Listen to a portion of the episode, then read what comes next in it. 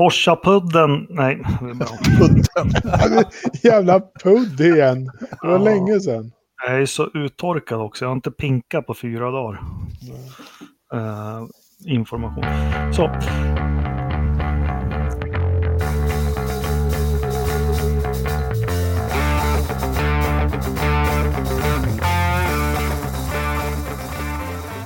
Forsa-podden avsnitt nummer 67.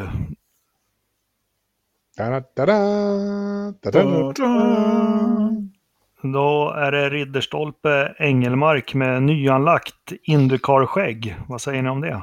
Jajamän, mycket snyggt. Ja, det är fantastiskt. Ja, ni som har följt, följt mig i många år vet ju att runt 2012 ville jag ju se ut som Emerson Fittipaldi eller Graham Hill odla polisonger och, och långt hår vid öronen och grejer. Men nu har jag en ny förebild. Vet ni vem det kan vara som jag vill se ut som?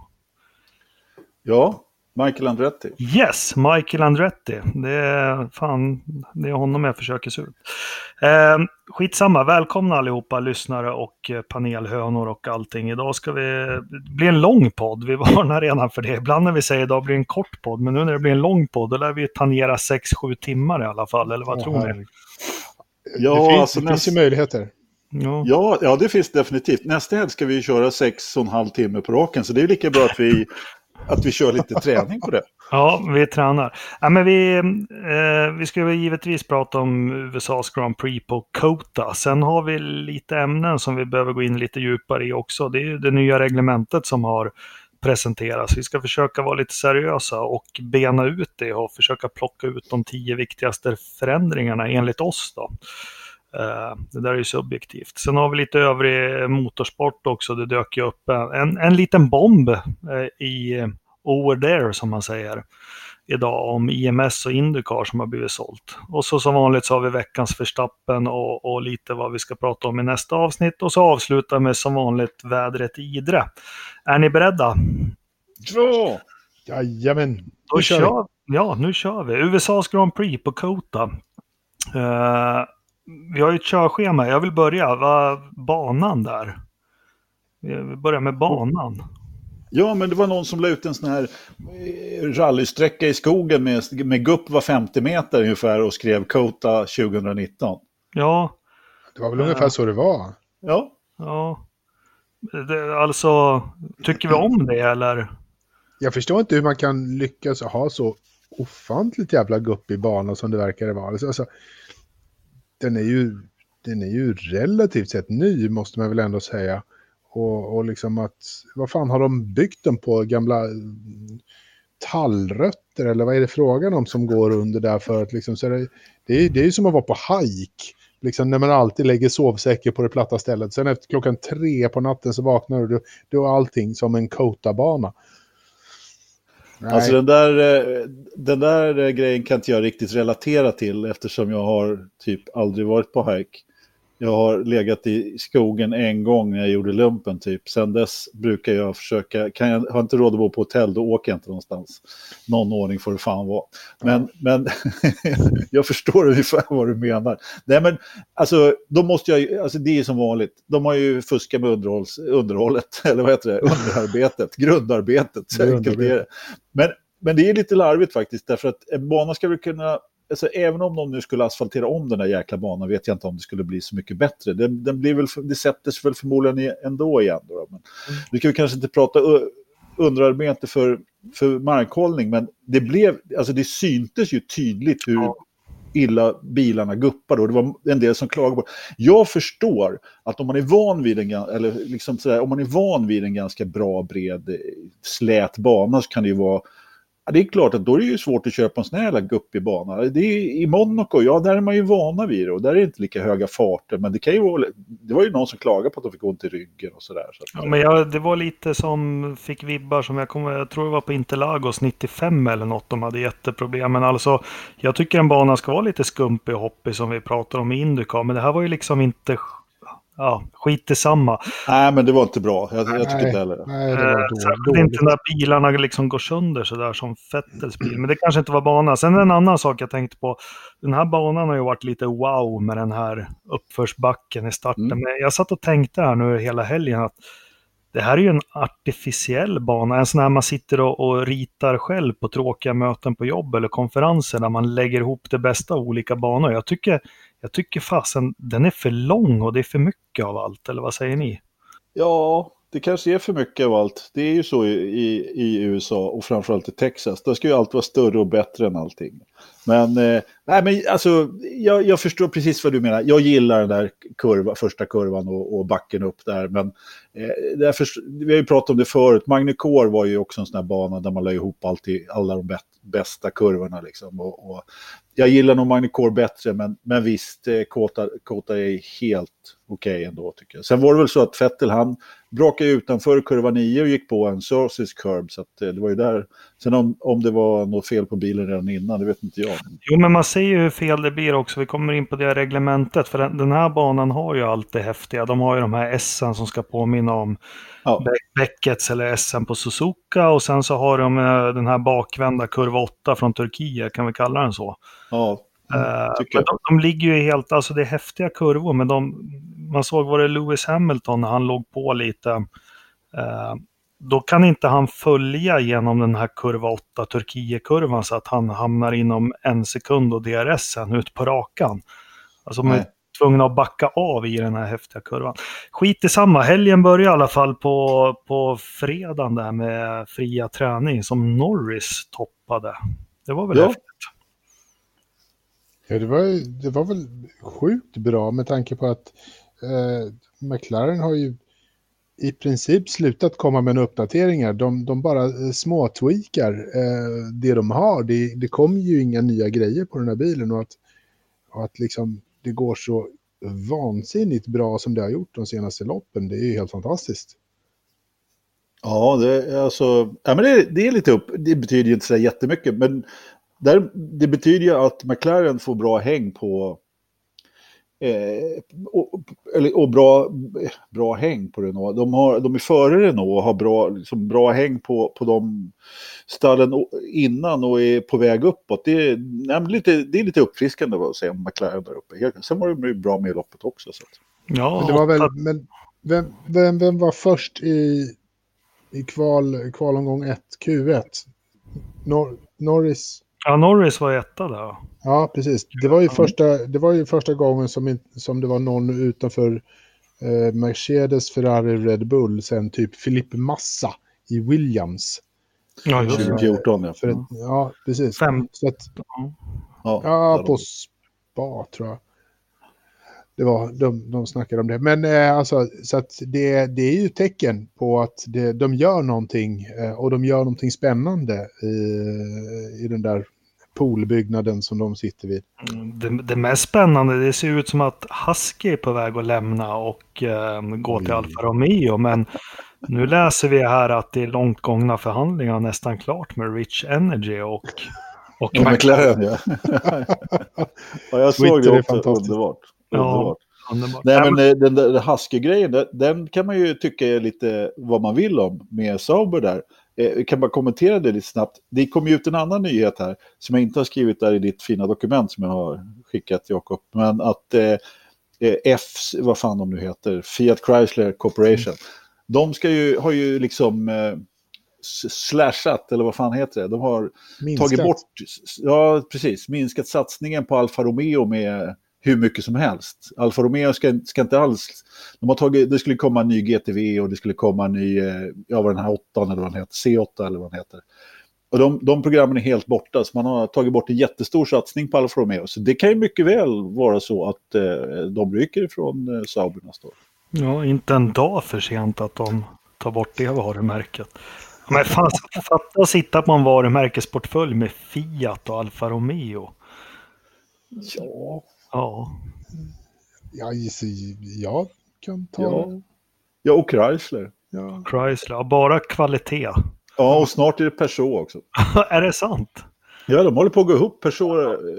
PGA-gruppen eller? Ja, PGA och, och de, de, har ju, de håller ju på att gå ihop nu. Det blir ju som de så här bilhandlarna. Det kommer, för fan, det kommer ju bara finnas ett jättelikt bilbolag sen och massa konstiga märken liksom om de går ihop. Alltså, det finns ju ingenting kvar sen. Det är så här, Toyota. Äh, Ja, men det är, bara, det är bara att kolla på de här stora, de gör ju pengar som gräs. Toyota och Volkswagen som har ja. stora, och, och GM också för den delen. Det är de tre stora. Och så, så ja, det, de måste ju upp dit för att tjäna bra med pengar. Liksom. Så är det. Ja, i alla fall ja, Norris toppar. Sen har vi Leclercs motor som havererar också, FP3. Just det.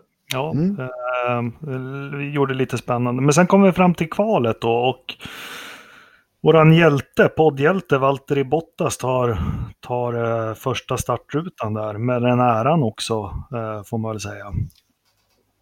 Jo då. Ja. Absolut. All, mm. Alltså, ja, så Lewis erkände ju att han gjorde något misstag där och jag vet inte om det var om han var nervös inför det som komma skulle eller om han bara gjorde ett... För han, han, när han gör ett av sina få misstag så han brukar ju faktiskt säga det också. Ja, nej, men han gick ju omkring hela helgen i några stora polotröjor och jättemycket kläder och frös och så. så jag vet, han verkade... Men det var ju kallt. Ja, 20 grader. Ja, när det var, det var tydligen... När det var varmast, ja. Ja. När det, var så... ja, precis. det var ju minusgrader på nätterna nästan. Ja. Det var ju typ fyra grader på första träningen eller något sånt där. Det var ja. ju... Såg du inte på Norris med jätteluvan på sig? Nej, jag hade brunflagg de dagarna. Just det, så jag hade alltså, jag, jag såg tyvärr inte. Nej, men han gjorde väl ett svagt svagt kval. Men vi, vi, fick ju en startuppställning i alla fall som jag tycker väntade mycket. Och där hade vi Bottas, Vettel, Verstappen, Leclerc, Hamilton, Albon. Mm. Alltså, ganska bra drag i tombolan där och, och det började för ett bra race, eller? Ja. ja. Jag hade ganska stora förväntningar på det här loppet, måste jag säga. Och mm. jag är ju besviken man blir. Ja, eh, jag säger detsamma. Och sen hade vi lite McLaren där uppe med, med Sainz på sjunde plats och eh, Ricciardo kvala nia och så. så det, jag trodde också att det skulle bli mer dynamik på banan än vad det blev. Eller mm. vad tycker ni? jag tyckte att starten var ändå liksom eh, helt okej okay där. Det... Igångsättning. Igångsättning. eh, är någonting som ni, eh, ni skäggiga typer pratar om. Nej, men, eh, men, men liksom, jag tyckte starten var helt okej. Okay. Det, var, det var lite märkligt. Jag, tyckte fortfarande, jag tycker fortfarande det var väldigt märkligt med Sebastian Vettels eh, skitdåliga start och allt ja. sånt. Alltså, den där bilen var inte frisk från början. Den gick Så... inte att rotera. Nej, men skämt åsido. Alltså, eh, Lewis rundade ju honom på utsidan ja. i en lång... Jag förstod ingenting. Nej, det var ju helt... Den, den måste ju varit trasig vid start. Liksom. Jag... Alltså det känns ju som att det var något knas där, men det är ju jättesvårt att veta. Men han sa ju där, jag vet inte hur många varv det tog innan han slog sönder den, men, men det, han sa ju redan på första eller andra varvet att han inte mm. hade någon downforce, eller han hade understyrde liksom. Han ja. hade ingen fäste alls i framvagnen. Nej, ingenting. Och, och, jag vet inte fan, alltså jag fick ju för mig när jag tittade på någon repris där att, att bilen var paj redan innan han körde ut på de här curbsen. Uh, alltså den såg inte helt rätt ut. Och det är klart, sen träffade han curbsen och då gick, det, då gick det sönder på riktigt. Men den var trasig redan innan där. Ja, det, det där var ju inte, den var ju inte frisk första varven alltså. Nej, kan det, inte var ju, det var kan inte ha och det, det var ju kurvorna som han, som han tappade. Alltså det var ju ordentligt ja. med fart. Men han, han, som du sa, han sa att den var understyrd. Eh, eh, som bara den. Det, Nej, det, det där kan ju inte bara vara att, de inte har fått, att han inte fått temp i framdäcken i första kurvorna. Liksom. Det finns Nej. ju inte en chans att det kan, vara något sånt problem. Jag vet inte, det har man ju lärt sig när man kör kart. Bettar inte fram, då får man luta sig lite framåt i sätet. kan, kan, kan finnas vissa, vissa svårigheter med det i en, i en, i en sån bil bara. Ja, ja Fan, då, fast... Då poäng. Ja, vad heter den? Eh, Dale Earnhardt hade säkert lutat sig fram lite bara och tryckt.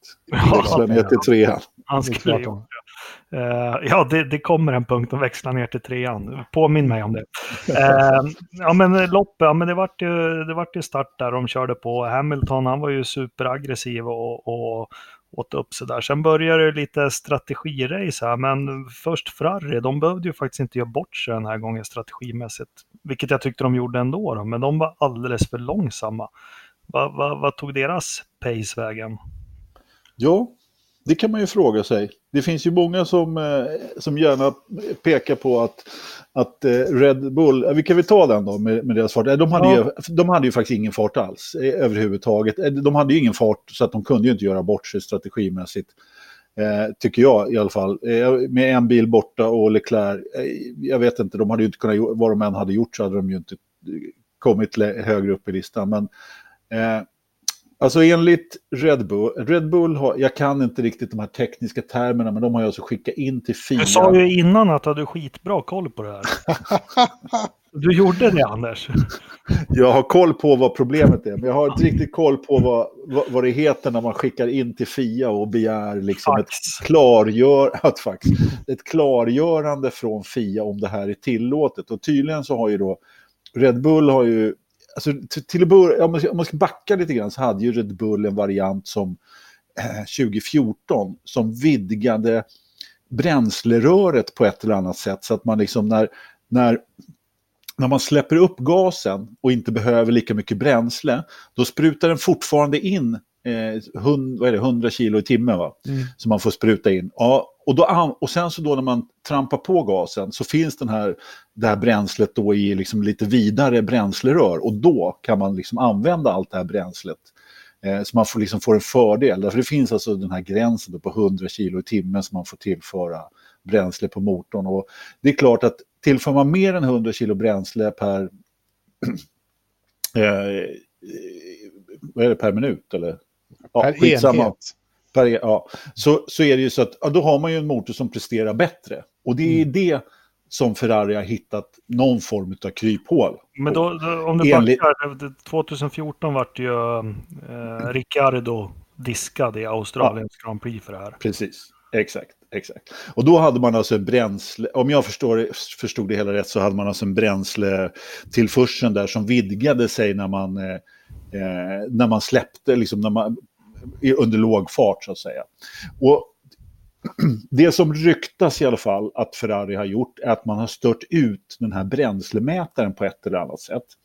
Antingen så har man använt sig av, att, av någon radio, eh, radiovariant liksom, så att man har stört ut den på några sätt så att den inte funkar som den ska eller så att det ser ut som den funkar som den ska eller inte gör det. En del tror att det är så att man har tillfört mer bränsle för den här mäter tydligen bara vid vissa punkter.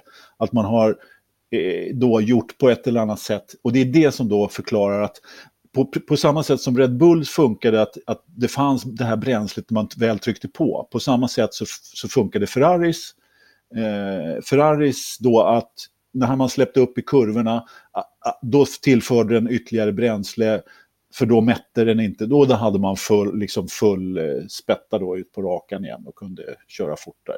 Jag vet inte om det, min tekniska beskrivning är speciellt bra, men ungefär men det enda sen, sen det här var 2014, måste vi lite erkänna, vad heter det? Fuel, up, fuel flow Fuel meter. flow. Ja, meter, precis. Ja, då tänker jag alltid på den här fluxometern i Tillbaka till framtiden. Ja, men på riktigt, det är så jag... ja, men det är, det är väl inte så, så här, men det är en fluxometer. Men, men eh, alltså, om, om, eh, ärligt, jag tror inte Ferrari är så, så korkade eller så dumma så att de tror att de kan sätta in en jävla störsändare och tro att de kan komma undan med det. Det låter, så, det låter liksom lite konspiratoriskt. Det var en utav terrierna. Jag, jag, måste bara få flika ja. in där att det, den, den ska jag säga själv, det, den, det kan inte vara, den här, det här är hörsägen som jag har beskrivit utifrån vad jag har hört det och, och Eh, det, det, är nog kanske inte den troligaste eh, liksom, varianten, men på ett eller annat sätt. Jag, jag, vill reservera mig lite för min beskrivning där. Men, det, men det, jag hörde, det jag hörde var ju också att det, det, det, är liksom, det handlar om fuel flow meter och att de har överskridit gränsen på 100 liksom, på ett eller annat sätt. Hur de nu tror sig ha kunnat komma undan med det, det kan man ju fan Ja, alltså jag tror inte de har överskridit, överskridit gränsen. Däremot så har de gjort det. Eh, alltså däremot så har de haft liksom, eh, eller jo, de har överskridit gränsen, men de har gjort det när det inte har mätts, så att säga. Så att om det är fusk eller om det är liksom ett kryphål, och så helt plötsligt, men det som egentligen är grejen är ju att helt plötsligt då när Red Bull har kommit på att man eh, att man skickar in det här till FIA och det betyder ju egentligen, får vi göra så här, det betyder ju att man vet på ett ungefär hur Ferrari har gjort. Ja. Ja, och, och, och efter det så, så går Ferrarin inget bra på raksträckorna. Nej. Nej. Spännande. Eh, det är ju ett sammanträffande som kan vara en tillfällighet. Men vi har inte så där jättemycket tillfälligheter i Formel 1 när det gäller teknik. Och, och jag tror att eh, Binottos förklaring att de ville ha lite mer downforce. Mm. Ja, ja, ah, jag vet nej, inte riktigt. Nej, det såg vi på Fettels första varv att de inte hade. Men, ja. nej, men det, det, här är ju antagligen någonting som rör sig. Vi har ju kvartingen fuskare, fuskare, fuskare. Det är mycket som, alltså man kan kalla det fusk, men man, man hittar ju... Vem var det som sa det om Colin Chapman? Att han var ju mästare på att i ja. regel, alltså stretcha allting. Men... Nej, men jag är med dig där. Är det fusk eller är det, har man hittat ett kryphål? Ja, men det som händer nu, det är ju, jag var inne på det för någon podd sen och jag blev ju allmänt sågad av er två i fotknölarna. Men jag tror att man letar efter saker hos Ferrari nu för att de har ju helt plötsligt går de ju som raketer på raksträckorna. Alltså, det är inget snack om och det har ju varit där hur de förbränner olja i, mm. Ja, de ryker ju som fan ibland. Och, och, nu tror jag att man håller på, man, man skickar nog in inte protester med frågor om varje sak man kan komma på. Och Ja, men Själv, så kan det vara. Självklart har ju det här något samband. Liksom. Det här är ju en motorbana. Ja. ja det, det, är klart jo, men det, så är det ju. Och det, och det, kan ju också vara så att när, när man nu har strypt flera av de här grejerna som Ferrari har haft, vilket man ju nu har gjort, så är det ju så att det är svårt att komma på nya sådana här hela tiden. Och ha, de har haft ett hyfsat stort försprång på, med sin fart på raksträckorna. Så att, ja, det är ju svårt. Eh, det, det blir svårare och svårare att hitta någon form av fördel. Liksom. Så är det. Och jag tror inte det sista Formel 1 behöver nu är någon fuskskandal. Jag tror eh, det här med Renault och bromsbalansen, det blev väl ganska inte nedtystat, men det är ingen som pratar om det längre. Jag tror man jag, eh, om jag får spekulera själv då, om det är som du säger Anders, då tror jag att man har gått till Ferrari och sagt ta bort den där grejen nu. kan det mycket väl vara.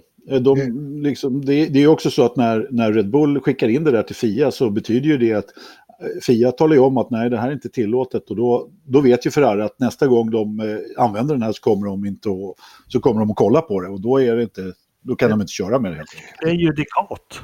Ja, men det, precis. Ja, men Fia kallar det där för någonting. Jag, jag kommer inte ihåg termen. Men jag, jag, jag funderar på en sak. Alltså, när, det har ju hänt lite i de senaste åren, lite sådär att man har klagat lite på, på Red Bull som försöker fiffla, fluffla lite sådär. Eh, Ferrari lite då och då, McLaren eller så här, Renault. Vad har Mercedes gjort?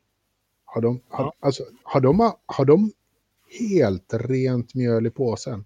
de och sopar banan. De testar ju däck med, med vita bilar och Lewis Hamilton och Nico Rosberg satt och körde i vita hjälmar. Det är väl deras största fusk. Ja men alltså, hur kan man vara så jävla dominant över de här åren då? Är de så in i helvetes mycket bättre? Ja, men det som hände med Mercedes, det kan man säga att de hade ju koll på motorreglementet när det trädde i kraft 2014. Och jag tror, ja. eh, rent prestandamässigt motor så tror jag, titta bara på Williams, hur, hur det sminkade. De hade en Mercedes-motor och de var ju med mm. 14, 15, 16. Sen började de andra komma ikapp. Nu tror jag de ligger ganska, ja det är inte svar på din fråga, men jag tror, jag tror det var mycket motor första två, tre, fyra mm. åren mm. i det här reglementet som ja. Mercedes hade koll på sina grejer. Ja, alltså, och det känns också som att Mercedes hade verkligen, de hade ett försprång 2014 när deras bil var så pass bra som den var. Och i det här reglementet. Och eh, man, har, man har verkligen skaffat sig ett sånt försprång så att så man inte behöver att, hålla på med sådana här fjontsaker som störsändare för fuel Exakt, ja. och, och där har man ju liksom, eh, och där har Ferrari hamnat på bakfoten tillsammans med de, de, de som är lite längre efter att de håller på. Och Red Bull med för den delen. Mm. Men, men, det här är ju bara... Men det är, det är, det är jag förstår inte bara för det, alltså Ferrari spenderar ju miljard på, på den här mm. grejen och ändå... Inte längre. Nej, snart, snart. inte längre. Nej, men, alltså, nej, men en, ändå så, så är de, så, så hamnar man i petty thief grejer där de håller på och mixtrar med störelse. Alltså jag förstår inte, det är sån här småskit. Mm. Kan de inte bara göra en bättre grej från början? Kan de inte ja, bara lära ja. sig hur fan man bygger skiten? ja, men det, det är samtidigt när det är ett sånt här... till hela landet och kanske... Ja, men, ja, men en sån här, en komplicer, sånt här komplicerat tekniskt regemente så ja. måste man gå lite utanför för att det ska bli Ja, men, har inte, men, men då är det också frågan, har inte Mercedes gjort det? Har inte de gått utanför ramarna? Ja, det, det, är en jätterelevant Eller gör de, gör de det så jävla ja. snyggt så att ingen, ingen hittar dem? Ja, men det, Eller... lite så är det ju det, det, är ju de största fus fuskarna, eller den som är bäst på att fuska är ju den som inte blir upptäckt. Så att, eh, jo, det kan jo. mycket väl vara så att Ferrari är i gråzonen också, bara det att de andra inte har hittat det, för de har fullt sjå att komma ifatt. Liksom. Men det är jätteintressant, vad heter um, uh, Mr Apex, heter väl mm. en podd som mm. jag hoppas ni lyssnar på. Uh, han gamla vdn för Lotus där 2014, 2015, 2016. Uh, sen, nej, 2015 slutade men han, han avslöjar ju allt fusk i senaste podden som Lotus hade med eh, flexi-wings mm. och sådana grejer. Mm. Och, alltså det var ju som tillbaka till 80-talet, samma typ av fusk. Oh, fan. Du har något och en viss fart så går, går ett snöre av som sänker golvet. Nej men... Eh, magiskt. Ja, jag kommer ja. inte ihåg helt vad han sa. Men sen tycker jag på tal om podcast, med Mercedes som du säger, det här försprånget. För det första så, det är ju snyggt, de går ju under radarn med allting. Det har inte, förutom det här däckstestet som var en jätteskandal, så, så, har de ju faktiskt inte förekommit så mycket diskussioner om, om fusk. Men jag tänker lite på hur stallet var uppbyggt. Om ni lyssnar på Jenson Button på, vad var det han var med i? Uh, han hade erbjudande från när han vann med Braun 09 och uh, gå till McLaren eller vara kvar. Mercedes ville ha kvar honom. Mm. Uh, men det visade sig att de två eller tre första åren, Mercedes la ju inte in några pengar alls i det där stallet. Uh, utan det, Nej, men det, han sa ju det. lite som Sauber Alfa Romeo att det fanns ju inga pengar eller någonting. Det var bara att man satte en stjärna på det. Och, uh, ja, vad det nu har med saken att göra. Nej, men sen det han sa var att det, han såg inte liksom själva planen, affärsplanen. Han tyckte inte den höll för Mercedes. Och det visade sig ju sen att man hade koll på vissa grejer, men man kanske inte hade koll på den långsiktiga utvecklingen. Så efter två år då så, så, så, så fick man ju bestämma sig att ja, men, ska, vi, eh, ska det här bli någonting så måste vi göra så här och så här. Och det var då man strukturerade upp alltihopa och gjorde den långsiktiga satsningen. Så att, ja, tog in Toto och Nicke Lauda och... Ja. Precis. Mm. Okay. Ja, nu, nu hamnar vi lite bort, men vi, ja. vi får väl se om det blir något mer prat om det här med bränslemätningen och Ferrari, eller om det bara tystas ner och att de ja. kommer att gå jättelångsamt på rakorna igen. Då.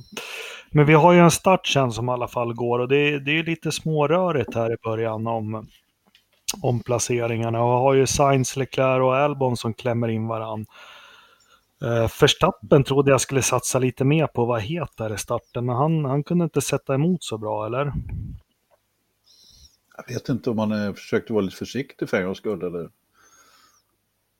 Ja. Mm, han, han, tyckte i alla fall efter loppet att det var bra att Ferrari inte fuskar längre. ja, han, hörde ni? Han sa det i en efterintervju att eh, han undrar vad, eller vad, jag, jag, kommer inte ihåg exakt vad han sa nu, men eh, han hade i alla fall sagt i en efterintervju att eh, det, trycket från Ferrari hade lättat lite nu när de inte fuskar. ja, ja, men det är väl kul att någon vågar ta bladet från munnen som det så fint heter. Oh, typiskt.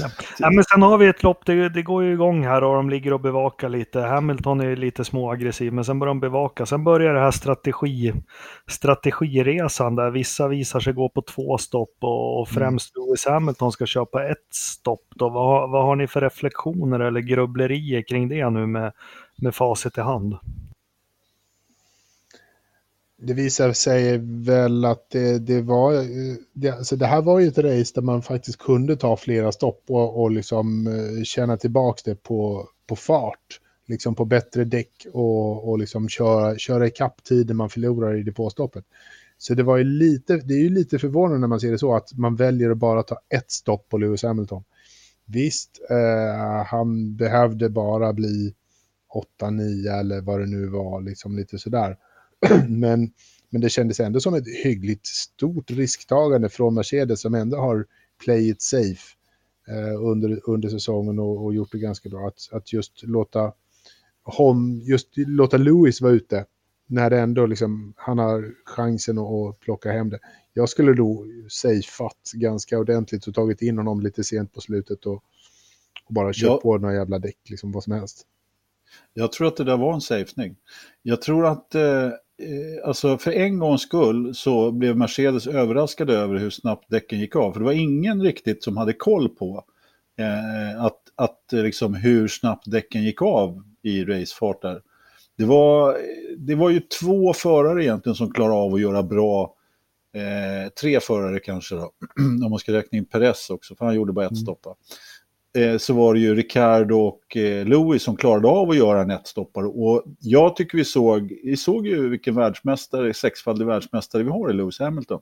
Det är inte många andra som hade fixat den där andra inte. Jag var nästan, eh, alltså han, han, alltså ett varv till i bra fart så hade han, även, så hade han ju kanske klarat Bottas där. Mm. Eller ett par. Och, och, nu hade ju Bottas en jäkla bra fart då. Mm. Så han kanske hade tagit Lewis hur, hur det än var. Men, men, men, i vilket fall som helst. Det var, det var ju inte långt bak till Förstappen heller naturligtvis. Och, eh, Norris gjorde ju precis samma sak. Han gick ju in och tog, eh, klippte ju Sainz där på näst sista varvet. Och jag vet inte hur långt efter han var eh, Ricardo i mål. Men hade det varit ett halvt varv till så hade han ju tagit honom. Så att, eh, mm. det, var, det var ju väldigt, eh, väldigt tajt med enstopparna där. Men eh, jag, jag, jag trodde nog att Louis skulle klara det där. Eh, Men hur, hur, hur får du till att han safeade med att bara ta ett stopp istället för två? Var inte, det, var inte det en risk? Jag tycker det var en risk.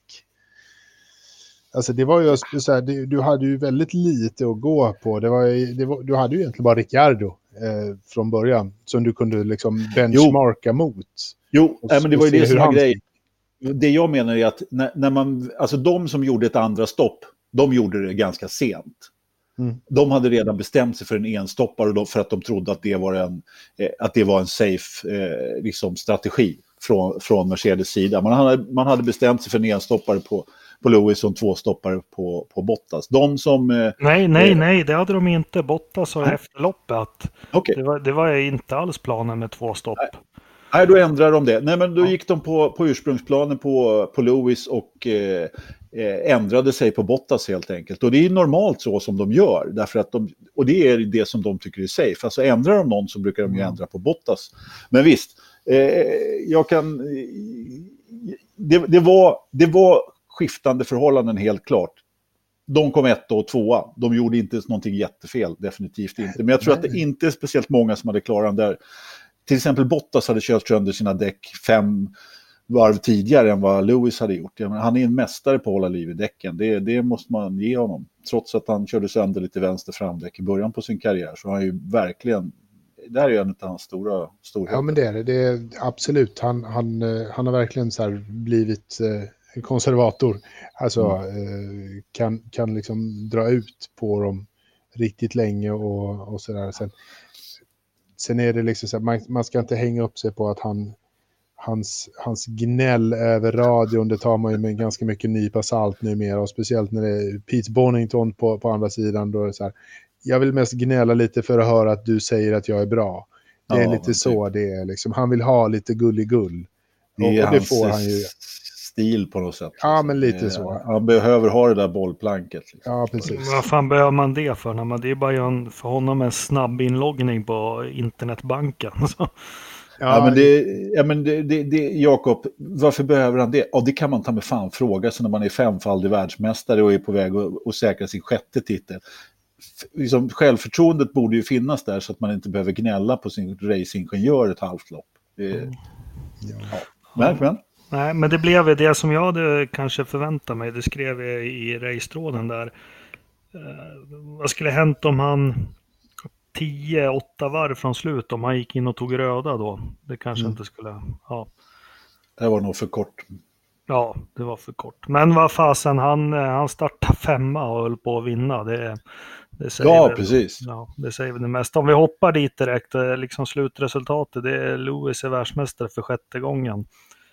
Eh, det var ju så resultatet blev. Stackars Botta som bad alla hålla käften och, och skithäftig och, och ska, mm. Alltså vad är det? Han åker i mål och liksom jublar och allting. Han har ju precis förlorat VM. Och håller, alltså, det är det här som gör att han aldrig kommer bli en vinnare någonsin. Mm, han, men han förlorade ju VM för... för, för eh, så ja, fast jag kommer ihåg Nico Rosberg när han förlorade. Han, det var väl också USA eller något. Han var ju pinkförbannad ja. på att han förlorade VM. Det är det här som gör att Valtteri Bottas kommer aldrig vinna ett världsmästerskap någonsin. Ja, det är möjligt, men han, förl han förlorade inte VM i USA. Han, det enda han kan göra nu är att vinna lopp. Och det är därför som han är glad när han vinner. Det, jag, jag har inga problem med det. Jag, jag ser att det, det, är två olika sätt att, att liksom se på frågan lite grann. Eh, om han hade blivit sur för att han förlorade VM, ja, han var sur för att, i Mexiko. Han skulle varit sur i Mexiko, han skulle varit sur i, i de, på de andra tävlingarna innan. Han skulle varit sur, när, när fan var det? I Tyskland. Det var där han förlorade VM, enligt mig. Han förlorade VM när han föddes. ja. ja, men skitsamma. Men Lewis nu, du, retorisk fråga. Är han störst nu? Mm. Ja, just nu är han ju störst. Just precis nu är han ju störst. Ja, just nu går det ju inte att säga någonting annat att han är den bästa föraren på, på startlinjen. Ja. Nej, alltså jag, jag, jag är ju sådär så att Falsken. Nej, Marcus. Marcus. Han är inte på startlinjen, inte på den här startlinjen. Vi kan inte blanda, får inte blanda äpplen och päron. Vad skulle jag säga? Nej, du får fråga Ternström det. Han kan säkert hylla Marcus i någon tråd på forumet. Jag eh, eh, som har upplevt hela Schumacher-eran och innan dess som ni också har gjort så, är det ju, så, så blir det ju självklart så att man jämför honom och, med, med Lewis. Men alltså Lewis, han, han körde inte in i Villeneuve. Han körde inte in i Fettel heller vid något tillfälle. Det var Fettel som brakade in i honom faktiskt. Och, alltså, Lewis, han eh, har inte parkerat i Raskas heller. Så därför så, så tycker jag att eh, i min bok så är Lewis den största genom alla tider. Även om det är svårt att jämföra med de här gubbarnas titlar naturligtvis. Men så vitt jag kan bedöma under det som jag har sett eh, på de, de förarna från, från sent 70-tal och 80-tal och så vidare, då, då är Lewis den största förare. Kanske inte det begreppet att han, eh, nej men, eh, han är snabbast alltid. Det finns säkert någon som kan klå honom på fart någon dag, men det kan det, det, kan det alltid. Däremot är han den mest kompletta och han har blivit komplett efter sin första titel där, var det, 2008. Men det som imponerar på mig, som jag tycker man har sett i år, nu, det här har vi pratat om flera gånger, det har ju sett ut på pappret som att det har varit en lätt resa, men det har, om man dissekerar säsongen, alltså vissa lopp, han, han är ju så tjurigt envis. Alltså det var ju nu USA också. Han var ju ja, men fan, han tryckte ju ut Bottas liksom. Det är mm. ju, så gör ju en sex, sexfaldig världsmästare. Också, på slutet var det Monza i år också när han liksom... Ja, nej, det, nej, tyvärr så måste jag säga att han är... Just nu är han ju den största, men sen genom tiderna, det vill jag inte ge mig in på, men han är, han är otroligt komplett. Sen så har han ju gjort det här som man ser racerförare det man ser över tid, alltså Alonso eller alla de här super, han är inte den här som när han kom fram, supersnabb i kvalet. Det är han ju fortfarande. Ja. Jättesupersnabb, men det är liksom i racen han, han visar sin klass. Du vill inte säga att han är eh, bäst genom tiderna, vem är det då? Nej, men jag vet inte. Jag satt och tänkte när du tjatar nu, men en sån som Jackie Stewart, liksom 60-70-talet, 99 race, 27 segrar, de hade bilar som gick sönder. Alltså, det är så jättesvårt att värdera. Liksom Hamilton, de som kör nu, de bryter ju aldrig lopp så länge du inte heter Robert Kubica. Så behöver du aldrig bryta lopp. Liksom oddsen att kunna vinna, om, om du är en toppförare i en toppbil så är oddsen att du vinner mycket, mycket lägre nu än 1973. Och ni som var som lyssnade på Kenneth Olausson till exempel i helgen, ja, men bara gör jämförelsen Ronnie Pettersson 73, vad hade han? 9 pole position han bröt i de sex första loppen. Skulle han, haft, men... skulle han haft dåtidens Mercedes, då skulle han vunnit de loppen. Ja, jo, visst, visst är det så. Därför så, så brukar jag alltid liksom säga i, i modern era och det är väldigt svårt att jämföra med 70-talet. Jag, jag, jag, lägger ingen värdering i de här 70, 50, 60, 70-talet heller. På, på 80-talet var det ju lite samma sak, där det kunde rasa motorer och hit, hittan och dittan och vissan. Utan jag är mer intresserad av, liksom man jämför de moderna mästarna lite grann sådär. De andra, Fangio är extremt svår att, att bedöma till exempel. Tycker Ja. jag. Ja, ja men eh, Ridderstolpe, Lewis Hamilton, störst genom tiderna. Yes-stolpe eller no-stolpe? Ja, du vet, jag svarar inte på sådana frågor. Du så, såg ni att Formel, alltså F1.com har tagit upp det här liksom så här innan, innan racet så hade de på sin Facebook eh, kommer, kommer världsmästaren att koras jiha eller jina? Jag bara för fåglarna liksom skärp er. Det är så här, har Erik tr- traskat in precis överallt eller vad är det? Han har rojat. Ja, fy fan. Nej, men eh, ja, alltså, ja, han, så här. Störst genom tiderna, det är den som har vunnit mest genom tiderna. Och just nu är inte det Lewis Hamilton. Eh, det är Schumacher som har vunnit mest. Och då är det så att just nu är han då störst, enligt den skalan. Bara för man ska räkna och mäta saker så är det liksom kvantitet. Kvalitetsmässigt så eh, känns det som att Lewis är en större mästare än, Oj ja. än, ja. än vad, vad Schumacher är. Just att de Fan, här... vilket mjäkigt svar. Fan, vilket, du ja, försöker vad ska jag säga då? Nej, men så, så nu håller jag dessutom med dig. Ja, Att tack. liksom, sättet som Lewis vinner på är ett väldigt fair play-sätt att vinna race på. Han, han, han kör och, och kör bil bättre än någon annan har gjort de senaste åren. Det är det som gör att jag tycker han är stö- större än Schumacher faktiskt. Att, Ja, eh, men men, det- men visst, man kan räkna VM-titlar, då behöver vi inte ha diskussionen. Nej, nej precis. Så här, störst genom tiden, ja men då tycker jag, då räknar vi Vi siffror. djupdyker i det där sen när vi vinterpoddar. Det kan vi göra. Ja, det kan vi göra. I en driva någonstans.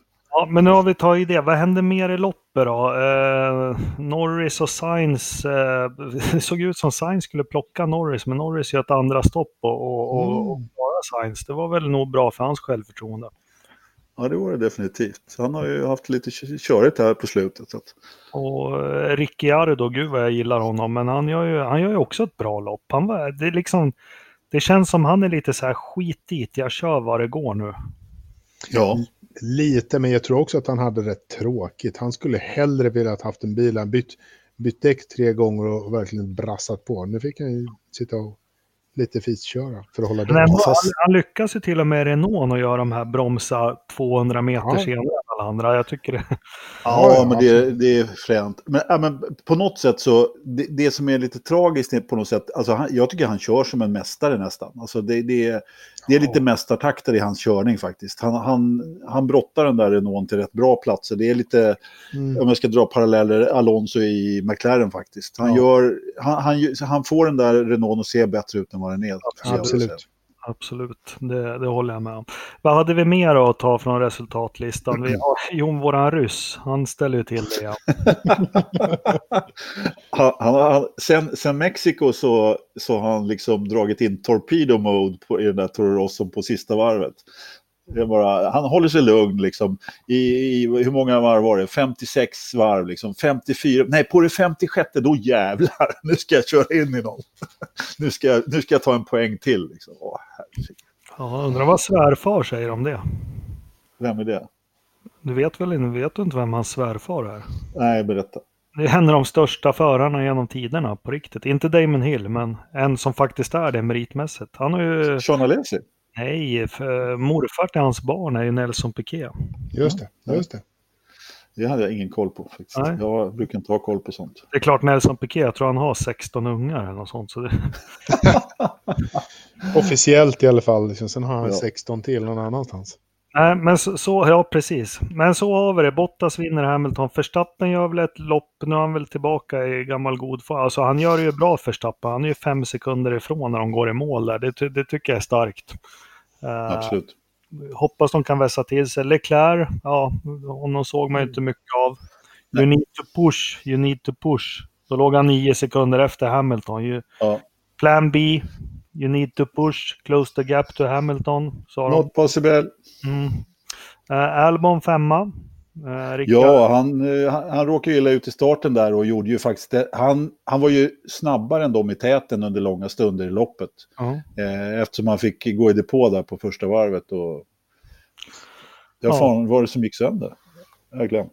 Jag tyckte det rasade Det, det, det, var, lite allt Alltså den var ju lite... Ja, förlåt.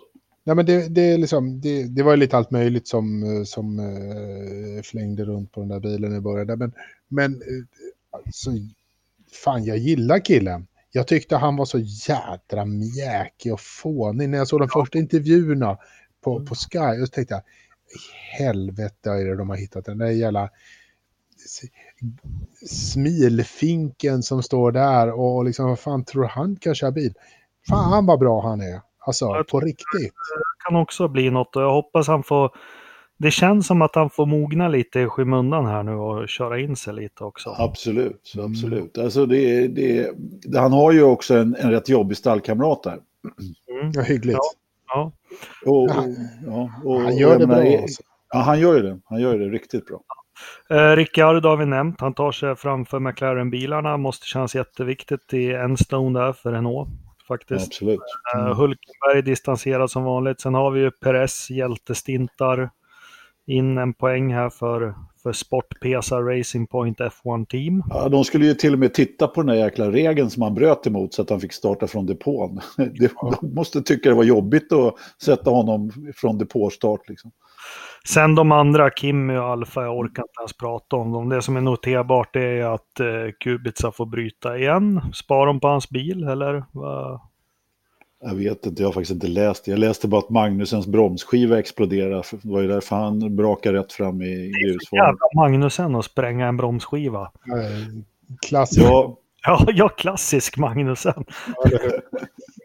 ja, men, ja, och så bara, liksom bara braka rätt fram igen. Nej, men det ser man inte så ofta nu för tiden. Nej, kommer ni inte ihåg på 80-talet, Adelaide, när det bara sprängdes bromsskivor hela tiden? Mm. Nej. Nej, det minns jag. Ja. Eh, ja, men så, såg det ut i alla fall. Det var väl inte så mycket annat att höja. Det, det, det jag anmärkte på, det som de inte sa i sändningen jag tittade på, otroligt mycket långa depåstopp. Det var inte många depåstopp under tre sekunder. Tänkte ni på det? Ja, ja, men det var flera stycken som dabbade sig lite. En Och, sekund låg de på hela tiden. kände ja, men det har du rätt i. Det har du rätt i. Och det var flera, det var flera som var längre än så också. Eh, var det höger bak på, var det Sainz? Vänster bak. Nej. QV1 var det va? Ja, just det. Just det. Just det. Ja, det var, och just det, han hade ju, han hade ju något fel på bilen där på slutet. Och, nej, inte Kvyat. Jag menar, hans eh, Gasly där, han fick ju fel på bilen. Annars hade han tagit poäng igen. Då. På tal om det, depåstopp. Har ni sett den filmen på Lillövers när han kör Ferrari? Den måste vi lägga ut. Jag, jag tänker på när vi pratar om Ferrari och strategier. Han är inne och ska byta till regndäck eller något. Och det, det, det måste vara det största, kaosigaste depåstopp jag sett. De tippar upp bilen och så tar de bort och den välter. Ja, det är, jag ska lägga ut det. fall. Jag ska försöka hitta det någonstans. Det är helt sanslöst. Ja, men det är de, de lyfter upp bilen så tar de bort de här, vad, vad heter det de kör upp de här?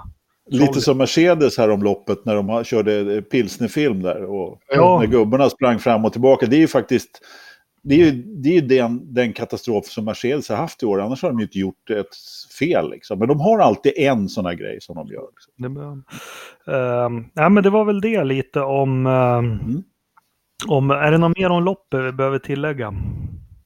Nej, jag vet inte om vi har... Vi har nog, vi har nog pratat igenom det mesta. Jag, eh, var det någon straff? Ja, det var bara torpeden där och så vidare. Nej, jag tror inte det var så mycket mer egentligen. Ska vi eh, stänga dörren om USA då? Och Mm. gratulera Lewis till sjätte titeln. Ja, det får vi göra. Absolut. Ja. Grattis, grattis.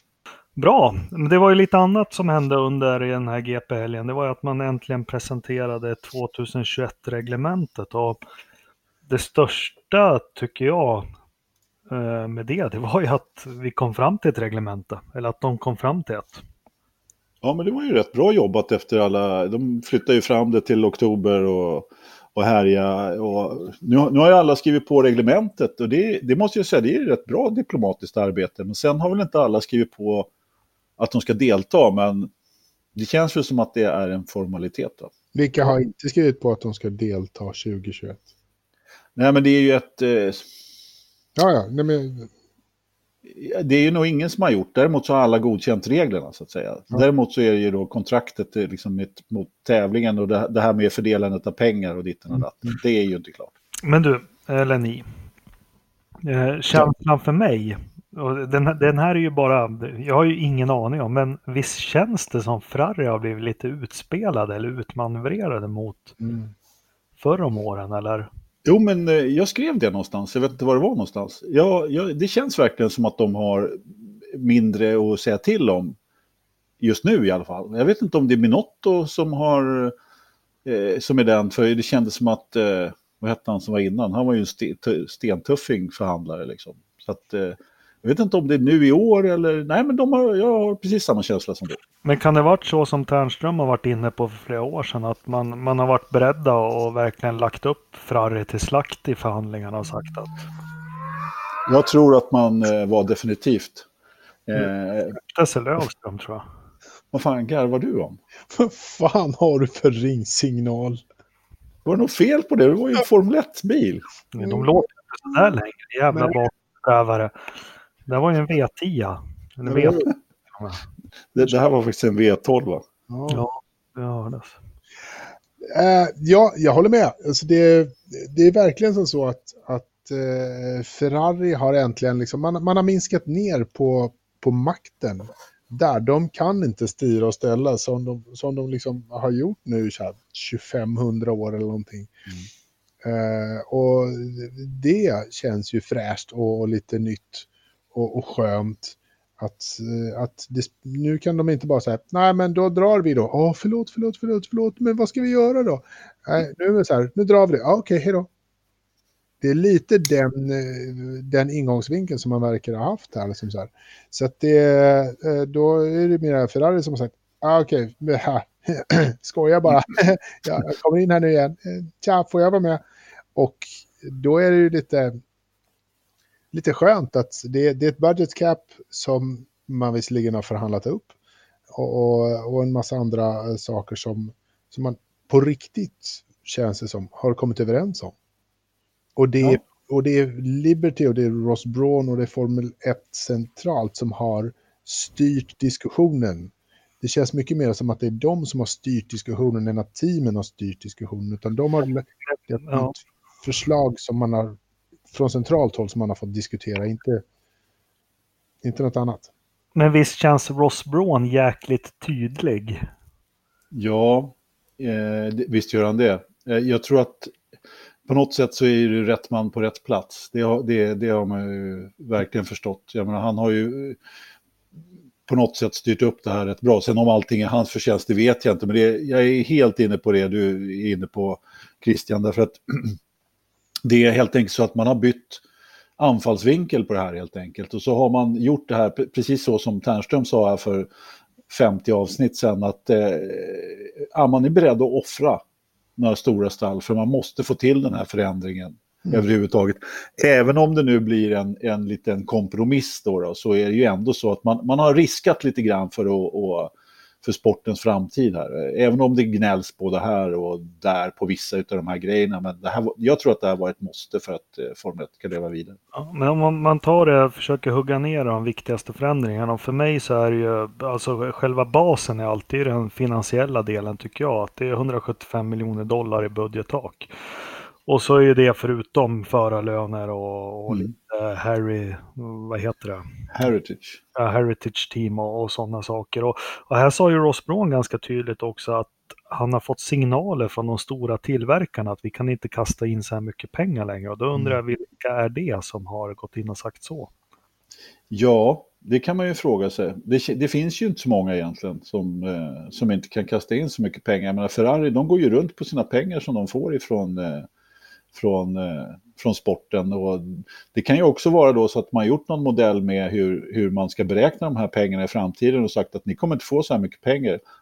Nej, men då kan vi inte kasta in lika mycket pengar. Så att säga.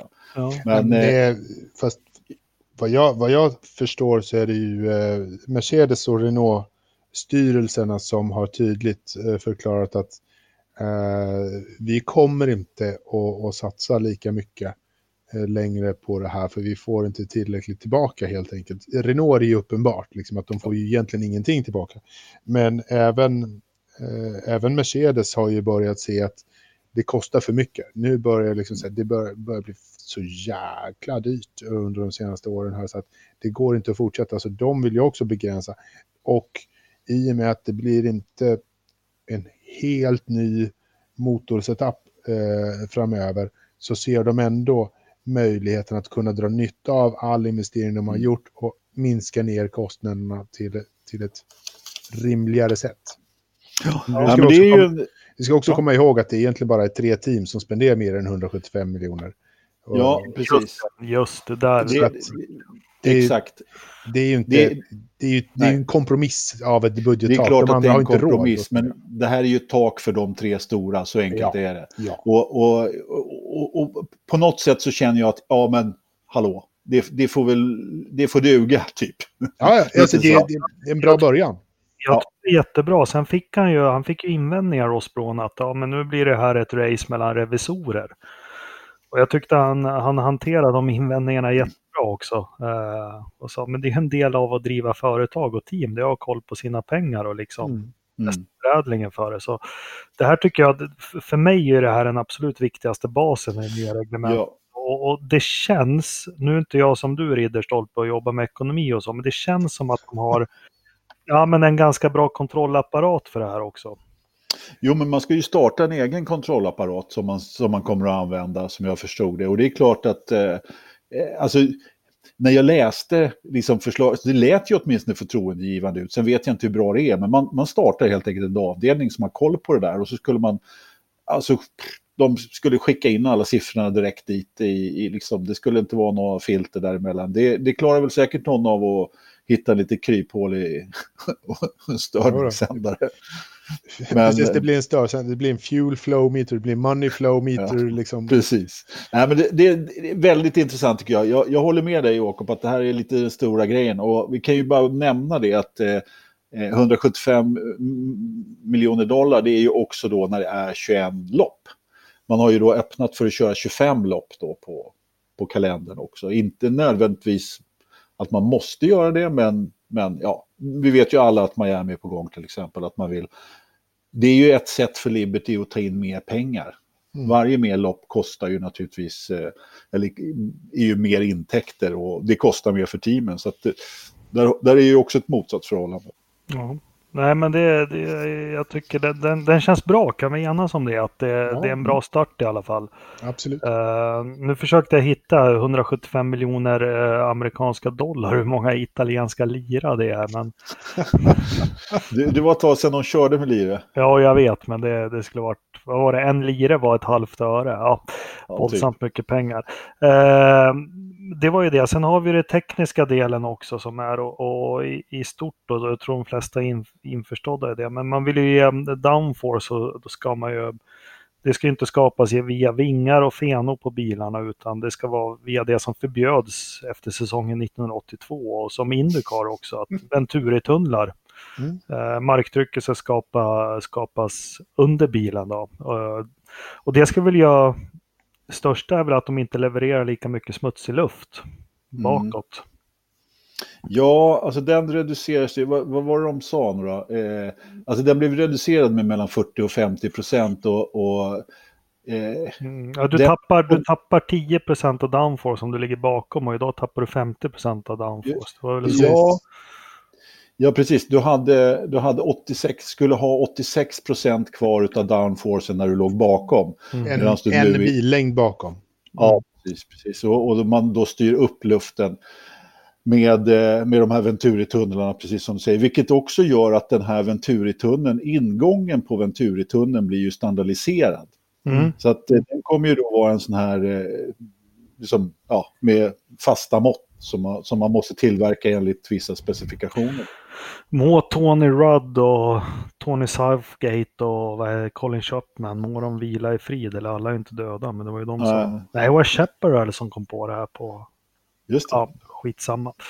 Det, det är väl en jätte... Och det här tycker jag är intressant. Jag, jag hoppas verkligen. Jag skulle gärna sett en, en aktiv fjädring på det här också. Men det säger jag ju ni sagt bu åt. Eh, vi får ju en ny fram och bakvinge. Ja, Nej, men det, det, man kan, om vi bara prata, fortsätter prata kring den här aerodynamiken kring, kring den här T-brickan som de kallar eller vad det är som är standardiserad och Venturi-tunnlarna där så, så det för ju med sig då att bilen blir mycket renare i och med att man tar bort alla sidepods och alla de här mm. som de håller på med nu och gör hål överallt och klipper fram och tillbaka. Så det blir en mycket renare och snyggare bil där. Och tillsammans då med framvingen som du skulle komma till och bakvingen då som man kör upp liksom och, och ska, man får sådana här winglets på och inga småvingar som sticker ut och hela det kittet. Men ving, ving, en... fram, framvingen får ju bara bestå av fyra eh, enheter, fyra delar. Fyra eh, element, ja. Fyra element, precis. Och, och bakvingen blir ju inga... Endplates var eh, Precis. Nej, Men... den blir en, en enhet som ja. lite snyggt eh, formgjuten och, och sådär. Va? Så att, eh, precis.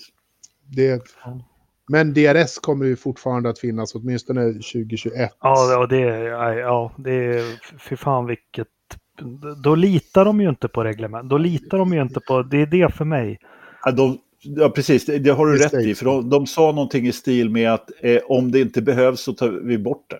Ja, ja precis. Det... det... är en liten safety net. De, ja. de fegar lite där. Det gör ja, men de... den, den måste väck. Usch. Hedgar lite. Alltså ja, jag kan det... hålla med om att den ska väck faktiskt. Men det som var intressant där tycker jag, att man, man klassificerar ju delarna på, på ett sätt då. då så att eh, vissa av delarna måste man göra enligt vissa specifikationer, som den här brickan då där framme där luften ska mm. in till exempel. Och, och ja, ärodelarna egentligen bakvingen och framvingen och sådär. Men sen är det ju då så att man gör vissa delar som, som man måste som man kan göra som open source då som har kommit till och eh, det är ju då att till exempel DRS då som man kan utveckla så att alla får ta del av dem. Mm.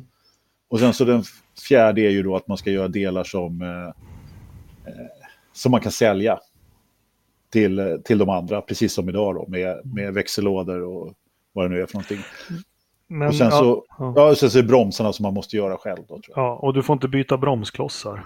Nej, man får inte byta broms. Det var en stor nyhet. Man får bara byta bromsklossar en gång, eller bara ett par bromsklossar och skivor på en helg. Hur fan ska det gå för dansken? Ja, det går åt helvete. Det kommer gå det kommer, att gå, det kommer pipa iväg. Han kommer, ja, ja, just det, det var det avsnittet skulle heta.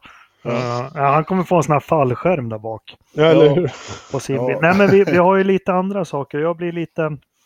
Eh, det jag inte har kollat det är måtten på bilarna. Eh, för ska ja, du ha Venturi-tunnlar då vill de ju ha sidepods som är tre kilometer långa helst. Ja, alltså bilen blir lite längre men det är nog bara ja. nosen egentligen. Ja. Nosen sticker ju ner där också. Så att, mm. Ja. Här, här, kommer lite av mina besvikelser. Jag skulle vilja att de lättar på motorreglementet och tog bort den här MGU, HK. Mm, Någon var dem... på, det var ju snack om att den skulle mm, bort. Ja, den vill jag ha bort. Jag tycker de kan ha sex eller sju växlade lådor. Uh, ja, det är bara kosmetika, skit samma. Ja. Men, de har ju, uh, men du, när vi är inne på växellådor, jag kan bara flika in, där har de ju faktiskt fryst reglementet på växellådor. Ja, ja, men skitsamma. Jag vill att bilarna ska bli för de här jävla bjässarna de håller på med. Mm. Uh, jag satt och tittade jättenoga på det, men alltså bilarna är ganska snygga, men de ser fan för jävliga ut. De är stora och klumpiga och och sen det här med vikten. Jag kan aldrig köpa att en Formel 1-bil väger 900 kilo nästan med föraren i. 768 va? Ja, från, från lite... 740 till 768 ja. går de ja. Det är åt helt fel håll. Och vet ni vad jag vill komma till? Om vi bara... Jag tycker att en Formel 1-bil, det syns på bilarna när de körs nu. Det är så tydligt. Det, vad är det svenska ordet för nimble? Eh, enkel, snygg, eh, liksom smidig. Här, smidig. Mm. Ja. Eh, men dels så, lyssna på den här superintressanta med Mario Andretti. Mm. Varför stämde det när du kom till Formel 1? Ja, men jag fick en nimble car liksom. Ja. Mer precise och precis allting. Och, ja, han fick ett fint verktyg att jobba med. Mm. Ja, och precis. Och jag tycker du ser de här bilarna, de är tröga liksom. Eh, ja, men mm. Det ser inte bra ut. Det är svårt att rotera menar du? Det är svårt att rotera, vi såg det på Fettel. men, eh, och jag kan inte förstå vad det är som är så tungt på de här bilarna. Och säg inte motorerna, för jag kommer ihåg när när de förbjöd turbomotorer inför säsongen 1989, då vägde en V10-motor 150 kilo.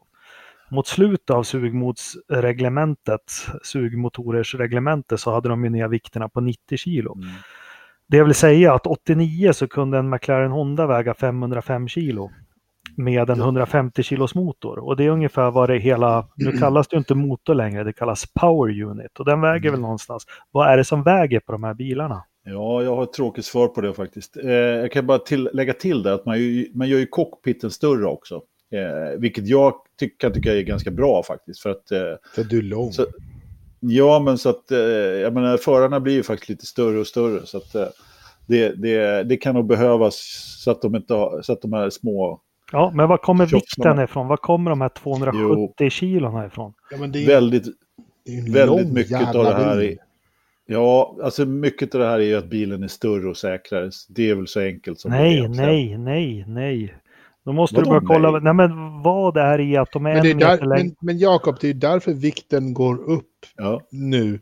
Från 740 till 768. Det är för uh, safety regulations. För det, det är liksom säkerhets eh, bitarna blir, ja. blir större och, och, och, och, väger mera. Liksom. Du, ja. du, kan inte, ja. du kan inte addera på en massa jävla saker och tro att det blir lättare. Nej, men de, inte. kolfiber väger för fan inte för att bilen är en meter längre i hjulbasen. Ja, de... men chassit väger ju fortfarande väldigt lite naturligtvis, men det är fortfarande, det är ju så att det, det, det behöver ha en viss struktur för att klara vissa, det, det här sidoinskyddet, det har de ju också då förbättrat till i år. Och ska ja, de klara... Vad blir du helst på T-bonad av då? 850 kilo eller 505 kilo? Det beror på ja, vad... jo, men det är, en, det är en annan fråga. Vilket kör du helst in i en bergvägg med? 505 kilo eller 800 kilo? Det spelar ingen roll om jag ska in i en bergvägg. Då kan jag jo, det spelar ganska stor roll för att du klarar ju en F1 nu. Nej, men det där kan vi ju... Det där... Bergväggar då på, på F1-banorna. Nej, men in i ett eh, AMK-räcke då? Ja, men jo, AMK-räcken, jag förstår det Anders och säkerheten är jätteviktig. Men jag hoppas ni förstår mig också att eh, Formel 1 det, jag tycker man går åt fel håll med tyngre bilar. Och vet ni varför? Min viktigaste poäng med det här är, som jag är jätteorolig för. Vi har ju faktiskt en problematik med däck som inte håller. Mm. Som inte klarar påfrestningarna att ligga bakom och, och, och ditt och datt. Och klarar Pirelli att leverera däck som dels kommer klara close racing, vilket det ska bli med nya reglementet, och som kommer kunna hantera den här vikten. Ja, ja, Jakob, jag vill bara flika in för, för protokollets skull, som det heter, att jag är inte emot lättare bilar överhuvudtaget. Jag, jag hade bara en förklaring till varför de har blivit tyngre och tyngre. Jag vet inte om Pirelli kommer att klara av liksom, att leverera däck. Det, det, I vissa lägen så ser det ju bra ut på däcksfronten och vissa inte, men ja, jag vet inte. Nej, men de klarar ju inte att göra däck och, och mycket är ju vikten som jag har förstått på bilarna nu också. Men en av grejerna i nya reglementet, 18 tums hjul och lågprofildäck. Mm. Mm. Ja, det... det... kanske blir bättre, jag vet inte. Ja. Jag tycker det ser för jävligt ut, men det är säkert bara en vanesak. Jag tror också det blir en vanesak faktiskt. För eh, det smälte in bra på de bilarna man visade upp eller de skisserna ja. på bilar. Sen så navkapslar på en Formel 1-bil och stänkskydd, det vet fan. Men... alltså det, det, där var ju inget stänkskydd utan den hade någon funktion som jag nu har glömt. Jo, men den har, inget, den har inget där att göra, den ska bort. Nej, jag tyckte också att den var jäkligt ja. ful. Men den hade någonting med djur... Ja, jag vet Airflow. Jag, jag, jag, försökte kolla det där innan, men ja, det, var, det var så mycket att kolla där med alla möjliga nya reglementsdetaljer och tekniska prylar. Men, men, men, då har vi mitt. Jag saknar, jag tyckte de skulle göra andra motorer hade jag hoppats på. Billigare och lite mm. roligare. Jag hade hoppats på aktiv fjädring, jag hade hoppats på lite med växellådan, lättare bilar. Är det någonting ni saknar eh, tekniskt? Jag kan väl säga så här att jag har inte kanske angripit eh, det här reglementet med någonting mer jag saknar. Jag, jag, kan, det enda som jag egentligen saknar, det är ju just det här som du, du säger, lättare bilar och mindre bilar. Det skulle jag... Eh, men, men samtidigt så är ju det en motsägelse, för det blir väldigt svårt när man ska hålla säkerheten på den här nivån. Ja, fast det, det, de här det, stora bilarna har inget med säkerhet att göra. Det var ju jag raljerar över det här för ett, ett och ett halvt år sedan när jag började kolla hjulbaserna. Det är att det är så mycket golv. De vill ha så mycket golv ja. som möjligt. Och, ja, alltså de ser ju för jävliga ut om du tittar på de bilarna. Alltså, ja, Uh, som är nu. Men uh, ja, ja, men de blir väl lite längre och lite bredare då. Det är perfekt. Nej, det... bredare blir de bredare inte. Blir de inte. Ja. Nosen, nosen blir lite längre därför att man vill ha lite bättre säkerhet. Ja, så gillar jag hur, en, hur vingplanen i nosen är infästa i, i, i noskonen. Äntligen tillbaka till hur det var förr. Mm. Det ja. tycker jag jättemycket om. Är det något du saknar eller tycker är wow, Ridderstolpe? 18 tums hjul är ju fan fälgar. Det, det är ju lite coolt alltså. Ja, en kille från ja. Nittorp. Ja, precis. En ja. kille från Nittorp som gillar bling-bling. Ja. Vänta bara. Fan, ska de inte ha sänkningssats på dem också? Tre och en halv tums. ja. ja. Nej, men eh, jag, jag tror ju på det här. Jag tror att det här är ett genomtänkt eh, och, och ett, ett, ett, tydligt steg i, i rätt riktning. Om det nu är som så att man, man eh, liksom lyckas ändra eh, downforce-nivåerna från 55% till 86% när du ligger en billängd bakom, då har vi ju kommit så sjukt långt fram i tätare och bättre racing och det är ju det vi vill ha. Liksom. Och håll med mig då om att då måste vi ha däck som klarar av det. Vi måste Absolut. ha däck som... Ja. Absolut. Vi, däck. jag vill ju inte att vi ska ha det här problemet som vi alltid har haft de här senaste åren, att vi bara tjabblar däck hit och dit. Jag vill inte tjafsa däck som man gör både i Indycar och i Formel 1. Proportionerligt sjukt mycket däcksnack liksom, jag vill ha racingsnacket istället. Jag vill inte ha däcksnacket. Jag vill ha snack om uh, racing och får vi det här tajtare racingen, det så här, möjligheten att, att ligga närmare genom SN i Kota och kurva 8 och allt det här. Om vi har möjligheten att ligga en billängd bakom, då jäklar kommer det ju hända grejer. Då kommer du glömma bort vilka jävla däck du sitter på. Liksom. Håller med dig helt och hållet. Håller med dig helt och hållet. När vi ändå pratar däck då. Däckvärmarna, vad säger ni om att de försvinner? Ja, men de gör ju inte det. 2023 försvinner de. Ja, men nu snackar vi 2021. We're not there yet. Ja, men det, är, det är ju, innan det ska de bli standardiserade, ja. så att man, där får man inte göra... Uh, Nej, men eh, det är ju, då har de ju trots allt en plan att ta bort ja. dem. Jag, jag, jag, tyckte det var lite kul. Jag tycker det är bra, för nu när vi har kollat på Indycar, det är ju en krydda. Vi ser ju, ja, liksom, mm. du kan inte gå ut och smacka utvarv Uh, och vi har ju sett väldigt mycket Indycar den här säsongen. Det var ju något helt galet race där när de kom ut från depån. Jag, jag, jag tycker det är ja. bra. Jag tycker de kunde tagit bort dem eh, 2021 redan. Men, men, men det är bra. Men jag vill bara återigen Ridderstolpe och Löfström. Det jag menar, absolut. Men tänk om det blir som det är nu. Att de, måste, de kan inte ligga en halv sekund bakom eller 20 meter bakom för de måste skydda däcken. Ja, då ja, får vi byta, däcklägg, byta däcksleverantör. Ja, och det är det jag är inne på. Jag hoppas verkligen det här är adresserat till Pirelli. För jag, jag är precis som du är så sjukt trött på. Alltså Schumachereran eller vad som helst. Det är klart det var lite snack om däck, men det var ju liksom inget. Jag kommer ihåg Alonso när han började tröttna på Formel 1. Det här sitter kvar. Då hade han någon presskonferens när han sa ja men vi startar racen och så kör vi första varven och så är det spara bränsle, det är spara däck, det är spara mm. motor, det är spara batteri. Mm. Liksom, han var så less på det. Jag hoppas på dem att det blir de här intensiva racen, alltså hetsiga racen. Där du ja. lite som mm. bara, fuck it, nu kör vi.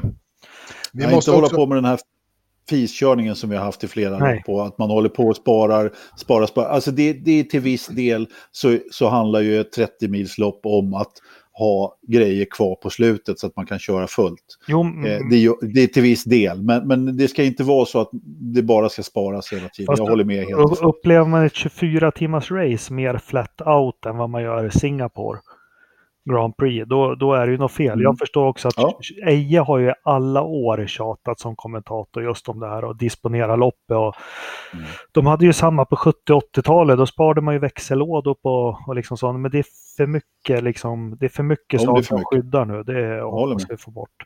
Um, det var väl lite kort om tekniska delen. Det ska ju vara också annat som jag tycker... Ridderstolpe skulle säga något också. Ja.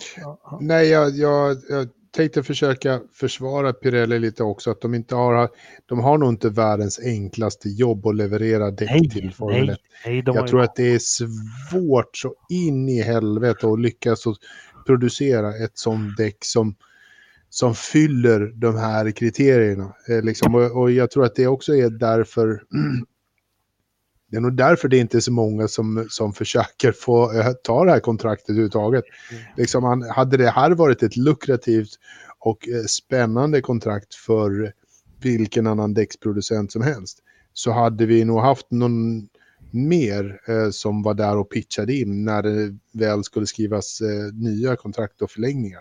Det Land, hade vi inte. Landsail är ett bra däckmark. Ja, jag men, Nej, men jag håller med dig. Alltså, de, man har ju, jag förstår inte hur Pirelli står ut med det här, för de, liksom, de har ju inte fått bra Nej. publicitet, men de har fått jävligt mycket publicitet. Och det, ja. Ternström hävdade ju det att bra, men de fick ett uppdrag, de skulle göra de här däcken som skulle gå över det cliff och det var hej och hå och mm. allting. Och allting kom ju utifrån, var det Kanada 2011? När det var en massa, ja men det var ju något lopp när däcken helt oförklarligt, nej, 2011, körde de Pirelli då eller körde de? Skit i samma, sista året med Bridgestone så var det något, något lopp som ja. det gick helt snett allting. Och då är det ju artificiellt. Och, hmm, tyckte ja. Barney bara så här ska vi bygga däck. Då blir det bra race. Och så lite sprinkler och så ingen prispall men guld och silvermedaljer. Så, Exakt. Så är mål. Ja. Uh, sen har vi en annan sak med tekniska delen som jag tycker är, alltså som för mig talar om att fan de har tänkt nog ganska detaljerat. Det är det här med att mindre lister och gurney flaps och kolfibergrejer som mm. ska kunna släppa från bilen. Det tycker jag är skitbra. Mm. Ja, om. Framvingen ska vara monterad, sen ska tåla en liten stöt. Mm. Ja, helt uh. klart. Det är som i Indycar, man kan köra in i en däcksbarriär och backa ut och köra vidare. Nej, men ja, jo, men vems bil var det? Vem var det som gick in i Felix. Jo men, Felix. Det var, jo, men det var ju någon också det där som gick in i muren och kom med en sned bil. Då drog de fram tejp. ja, just det. Vad fan, vem var det? Ja, det... Den där ska ut och köra oval i 360 med. Ja. Nej, men, ja. jag tycker, ja, men det är lite uppfriskande. Helt jag, jag tycker det är en regel åt rätt håll. Du ska kunna köra över en curb utan att det är jag ska lägga på några, ja men det är helt rätt. Jag ska lägga på några kilo där också, Engelmark, på, på din eh, viktberäkning som du inte håller med oss om. Det är så här att eh, en del i den här är att man ska innesluta en del av delarna i något, jag, jag har inte riktigt, Gummi. jag vet inte om jag har det här riktigt klart för mig, gummimembran. Ja, precis. Så att det inte ska splittras kolfiberdelar ut över banan, för det tycker man är ett stort problem, att det liksom splittla, splittla, splittras eh, liksom delar ut över banan så de måste, som folk åker och får punka på. Man måste springa ut och hämta. Och debris. Jo, men det Vingarna tror jag faktiskt bland annat var, var del av det. Mm. Ja. Precis. Och, och det här är ju också jättebra. Jag är odelat positiv för och, och, då slipper vi det här snacket, för ibland blir det nästan larvigt. Du ser att en bil går över en curb och så åker det bit en liten, liten, liten kolfiberbit eller list åker bort. Så Han tappar 95 procent av downforcen. golvet gick sönder, 95 procent. Alltså vi, vi, vi slipper det där också lite, det där tugget. Ja, du ska se att de kör in i Venturi-tunneln på oh, någons bil så tappar de, eh, så oh. tappar de ground, 95 procent av ground-effekten. Ja, nej, ja, precis. Men Jo, den kommer ju bli känslig för alltså tunneln för att det ligger saker på, på ja. några stenar och sånt som studsar upp. Nej, men jag, det, nej, jag är positiv till det här. Den tekniska delen känns bra med den lilla kunskapen jag har. Sen så ändrar ja. vi lite den sportsliga delen. Man, man gör ju helgerna lite kortare. Mm. Genom ja. att flytta presskonferensen till fredagen. Eh, gör mig ingenting. Nej jag vet inte om det är egentligen liksom, själva att man gör om helgerna där. Liksom, jag tror inte det spelar så jättestor roll. Jag tror att man vill ta bort en dag för att minska lite kostnader för stallen. Och för... Ser inte du det här ett första steg? Jo. Ja. Men det här, ja, fast det här är ju...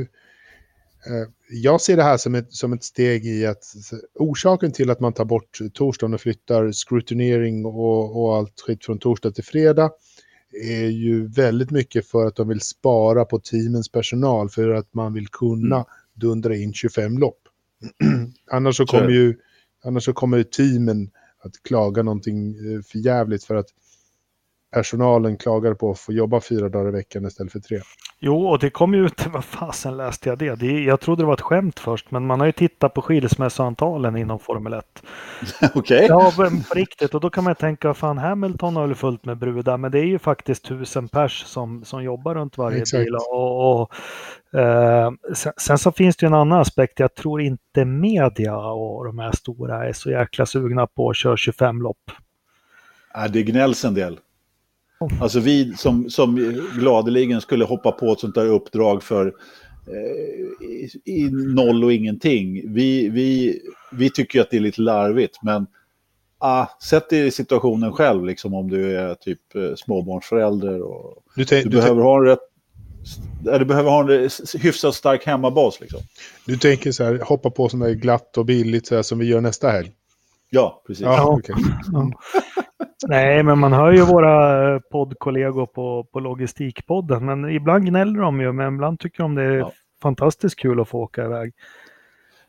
Och, ja, men, och vad fan skulle deras podd innehålla om det var färre lopp då? De pratar ju bara om lounger och, mellanlandningar och flyg och, och... Mycket mer Samsonite i deras podd. Ja, mm. precis. Mm. Jävlarna efter vi har varit. Det första jag ska dra podden efter jag kommenterar. Vet ni vem jag träffat på centralstation i Linköping? Uh, ja. ja. men det är väl det. Det gör man med sportsliga delen. Uh, var det något vi har missat på den sportsliga Nej, delen? Alltså sportsliga delen där. Det, en grej som jag tycker är lite noterbart där i och med att man flyttar till fredagens är ju att man kan inte köra några nya delar på, i loppet. Utan man, om, om, man hittar några nya delar mm. så, så får man antingen så får man helt enkelt typa in dem i skrutineringen där på, på fredagen. Eh, och chansa lite grann och så får man köra med dem hela helgen. Ja. Eller så får, man, eh, så får man helt enkelt låta bli att köra dem nästa helg. Och vet du, vad jag, vet vad jag saknar? Det har med det och jag också. Det här är säkert omöjligt att genomföra men på gamla goda 90 och 2000-talet i början, då var det ju faktiskt så. Du hade ju bilen som du körde Melbourne, Brasilien några lopp till. Sen kom vi till Spanien, första uppdateringspaketet. Och så körde du hela Europasäsongen och så kom det nytt till hösten. Kunde man inte öppna ja. fönster för uppdateringar? Alltså jo. det är ingen dum idé. Tänk, Nej. Eh, jag håller med. Ja. Jag håller med helt ni får uppdatera hur mycket ni vill, men ni får göra det vid de här. Mm. Ja. Uh, ungefär som man har med motorerna nu, att du får ta ja, Ja, att du får ta en hit och en dit ja. och så vidare. Förresten, när vi pratade Formel 1, det glömde vi. Eh, Leclerc, han fick ju faktiskt en gammal spesmotor som eh, gjorde att eh, det inte gick lika fort. Det skyllde de också på. Han fick Mackans ja. gamla spis från Frankrike. han fick han en måste... gammal Alfa Romeo. Oh, ja, han måste ha fått det. Han måste ha fått... Men en grej till där på helgerna. De kommer ju köra, nu ska vi se om jag kommer ihåg det här rätt, men eh, unga förare. Eh, hur många, hur många FP, eh, fria träningar var de måste köra med förare som inte har kört två Grand Prix eller som har mm. max kört två Grand Prix. Det var, jag tror det var två tillfällen per år varje stall måste göra det. Var det inte mer? Det var väl mer. Var det mer? Ja, kanske var. Nej, jag, jag har glömt bort det. Jag tyckte det var en, det är en sjukt bra regel och det är lite mm. tillbaka mm. till vår kära Viredheim, alltså ha en tredje bil mm. som du fick ha förut. Mm. Jättebra Nej, jag tycker regel. den är bra. Ja. Mm. Ja, dessutom får du ju poäng för det och kan räkna på superlicensen så att eh, du har ju större möjligheter att liksom så här, men du, det, styrning på riktigt. Det, måste... ja, men det har varit lite smalt i, i poängsystemet för, mm. för uh, superlicens. Jag håller med. Har man kört högst två lopp? Jag tror att det var två eller mindre eller något sånt. Då är det ju kört för Mackan med tredje sitsen. ja, han får i alla fall inte köra några fria träningar. Nej, men då är det ju kört. Han körde ju 200 mm. lopp. Men, 2500. Men har vi någon som har kört ett eller två lopp som är aktuell då? Någon svensk? Nej, överhuvudtaget. Alltså har vi någon som bara hoppar in några lopp?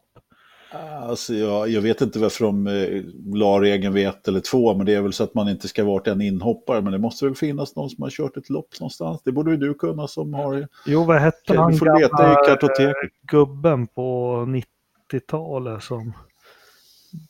Alltså Tiff Nidell, han har bara kört ett lopp. Ja, han är aktuell. ja, eller hur? Conny Andersson då? ja. Mm. Tiffner, det var ju jättekul sagt.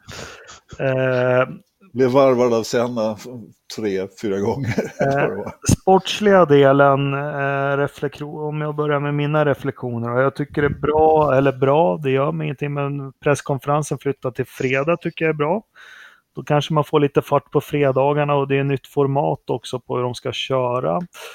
Eh, jag saknar väl ingenting direkt där. Det, jag vill ju att de ska göra om kvalen, men det, det är ingen stor fråga. Men... Nej, vi har ju så, så, stort tekniskt paket här nu så att det känns väl som att det är lite de, de eh, vad, vad, vad, kallas det, man liksom bäddar inför framtiden eller stämmer i bäcken eller vad fan det heter. Så för, för lite större förändringar lite senare, det är vad jag tror. Man, man slicer elefanten. Och, ja, man vill, man vill ju en, Ja, man, precis. Man tog ju de här, mm. vet det här med att köra kvallopp på några ställen och det, det vart ju bara tvärstopp liksom. Så att, eh, jag tror man bidar sin tid lite grann där och försöker införa det lite senare. Ja, jag väntar innan jag börjar kasta in bävrar i, i trähuset här så eh, nej, men jag väntar med Gary Anderson ska titta igenom det här och uttala sig. Jag tycker han kommer alltid med bra bra sak. Ja. Den fina... Bävrar i trähus, är det glas, sten i glashus, spjut ja, i kuvert? En, jag, tycker, jag tycker den är bra. Det, ja, ja. Okay. Vad händer om man kastar in en bäver i ett trähus? Nej, det går nog jävligt dåligt. Ja, ja. Det, det är lite som Fabbe, han har ju en massa möss i sitt hus. han är så jävla dum. Ena dagen lägger han eh, upp en bild på en katt, sen lägger han upp, titta nu har vi fångat en mus, men det är inte därför du har katt. Ja, skit i samma. Eh, förlåt nu, men det är väl den nya tekniska delen, sportsliga delen. Sen har vi den finansiella delen också som jag, jag tycker ser bra ut. Men eh, en fråga till er två. Vi börjar med finansiella delen. Vilket stall blir först med att tweaka på på budgetgränserna då? Mercedes. Ferrari. Ja. Uh, vad gör man om man har mycket mer pengar än 175 miljoner? Då får man betala sin, eh, sin stallchef lite mer betalt istället och förarna får man eh, betala lite mer och så får man resa lite dyrare för att resekostnaderna ingick ju inte heller. Och så får man utveckla motorn lite grann för det ingick inte heller. De tre bäst betalda ingick ju inte så det var mm. väl äh, jävligt bra. Toto kommer ju fortfarande kunna ta och, och Christian Horner kommer också kunna Det bästa av allt var ju i, i, i, i filmen som, eh, som Formel 1 släppte Liberty släppte då, när de, när de, precis när de pratade om det här att de tre bäst betalda inte ingår, då, då, då flaxade Zac Brown, Toto Wolf, Christian Warner och Binotto förbi liksom. Underbart tycker jag. Ups. Ja. Sen får vi se det, om det blir en liten nytändning för Adrian Newey nu då. Med, det blir lite nytt koncept för honom där. Och Ja, eh, de har, de har ju inte jättemycket tid på sig för det här, blir, här vänder du upp och ner på allting alltså. Nu måste ju FOU börja på varje stall här nu och titta på det här. Då. Fast de har ändå haft hyggligt med tid ja. på sig. Tror jag. Liksom. Det här, eh, de har ju vetat om det eh, ett par månader redan så de har ju nog redan headset igång ganska mycket. Ja. Och sådär. Om vi stänger nya 2021-reglementet finns ju säkert eh, anledning att återkomma ja. till det. Men eh, en viktig fråga för mig, vad händer med säsongen 2020 nu då? Ja, men den blir ju naturligtvis en mellansäsong av rang alltså. Det, det är ju självklart så att alla kommer ju titta framåt på 2021, men eh, eh, jag vet inte. Det, det, kan ju bli rätt spännande ändå. Nej, det kommer, kommer bli jävligt tråkigt. Hamilton kommer ta sin sjunde titel. Eh, han kommer dessutom eh, säkra den tokigt tidigt, vilket gör att han kommer att eh, under senare delen av säsongen också eh, frilansa i någon annan eh, motorsport under, tiden, under tiden han väntar på 2021. Så han kommer kanske köra lite MotoGP eller lite Nascar eller något annat så här knasigt bara för att hålla sitt egna varumärke eh, högt under 2020, 2020. Men att Hamilton tar en sjunde titel nästa år, easy peasy, inget snack om saken. Okej, okay. Anders? Ja, nej men jag tror att eh, Hamilton tar sin sjunde titel, men jag tror inte han fortsätter sen. Mm. Jag tror han lägger av. Jag har, jag har svängt lite där. Jag, jag har trott att han kommer att fortsätta tills han är 40 som Kimi, men jag tror faktiskt inte han gör det nu. Jag, mm. jag, jag, tycker, jag, jag tycker mig se en liten förändring i hans personlighet. Såg ni förresten att man såg farsan för första gången på väldigt länge? Jag vet inte, jag som har De är alltid med när han ska vinna VM. Ja, han, han, eh, han hade eh, ringt honom och sagt att nu kom. Ja. Så eller så här, nu kommer du. Det var, inte, det var ingen fråga kan jag säga. De hade, hade Sky, så jag intervjuade de Anthony, David, uh, Anthony där. Och, och så, då hade han fått så här, I, I got a call and said, you gotta come. Uh, Okej. Okay. finns det faktiskt. Ja, han, är han är ju modern också. Han har ju styrmor och styrfar med sig också. Och Ankel och Nis. Han, ja, fan, det är klart man drar paketet. Det skulle jag också ja. göra om jag hade en banken. Fan, det, det, är han, det är han värd. Uh, ja, men, uh, pappan där, han var jävligt starstruck av McConley. Okay. Det, ville hela ja, för, det var i alla fall skönt att de inte vet du, filma in en jävla massa eh, filmstjärnor mitt i, i loppet som de brukar göra. Det var ju ett amerikanskt GP, det var ju bara Will Smith i halva loppet. Jag höll på att bli galen. Men eh, de filmar den jävla parkeringsplatsen istället i och för sig. Då.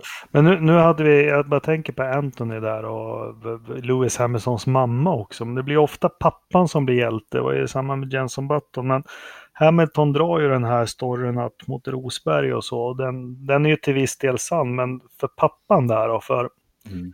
han, har ju, han har ju slitit.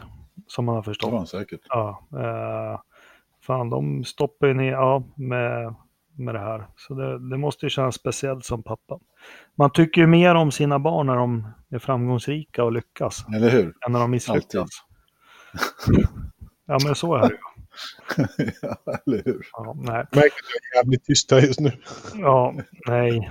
nej Hur ska du komma ur det här nu, Jakob? Jag håller mig ur. Nej, det var lite, ja, det är lite konstigt. Ja, men jag tycker ju mer om mitt, min son när han lyckas. Ja, det är bra för dig. Nej, det gör jag absolut inte. Man blir ju, alltså, men, men som förälder, alla nya föräldrar, alltså som förälder, det måste vara ännu mer känslor som förälder än som jo, det är klart. för Lewis. Liksom. Det är liksom. fan jobb, jobbigare än, det är många av gamla racerförare som, som brukar säga att det är jobbigare att titta på, på när någon annan kör än att köra själv. Då var man inte så nervös. Nej. Men du, innan vi lämnar reglementet då, Ridderstolpe. Du brukar ofta påtala, hur det står till i Red Bull-stallet och vilka som bestämmer. Därför får du frågan hur mycket av år 2021 reglemente har bestämts av Jos Verstappen? Det kan jag verkligen hoppas att det inte är ett jävla skit. eh, eh, faktiskt. Nej. nej. han har, nej. Jos Verstappen har nog hållits eh, utanför de här diskussionerna väldigt effektivt och, och tydligt av Adrian Newey och Christian Horner. Ja. Där har de inte släppt in honom eh, överhuvudtaget får jag hoppas. Det är herregud. Det, det enda som jag kan tänka mig att han har varit inblandad i det är väl eh, bromsarna så att liksom The Dansk ska få lite bara för pappornas liksom, kamp där. Nu, ska, nu fick han en jävla Jan Magnus. Ja, han fick ju ingen nytt kontrakt i Corvette han. Nej, han fick sluta köra. Ja, han är lite ledsen för det.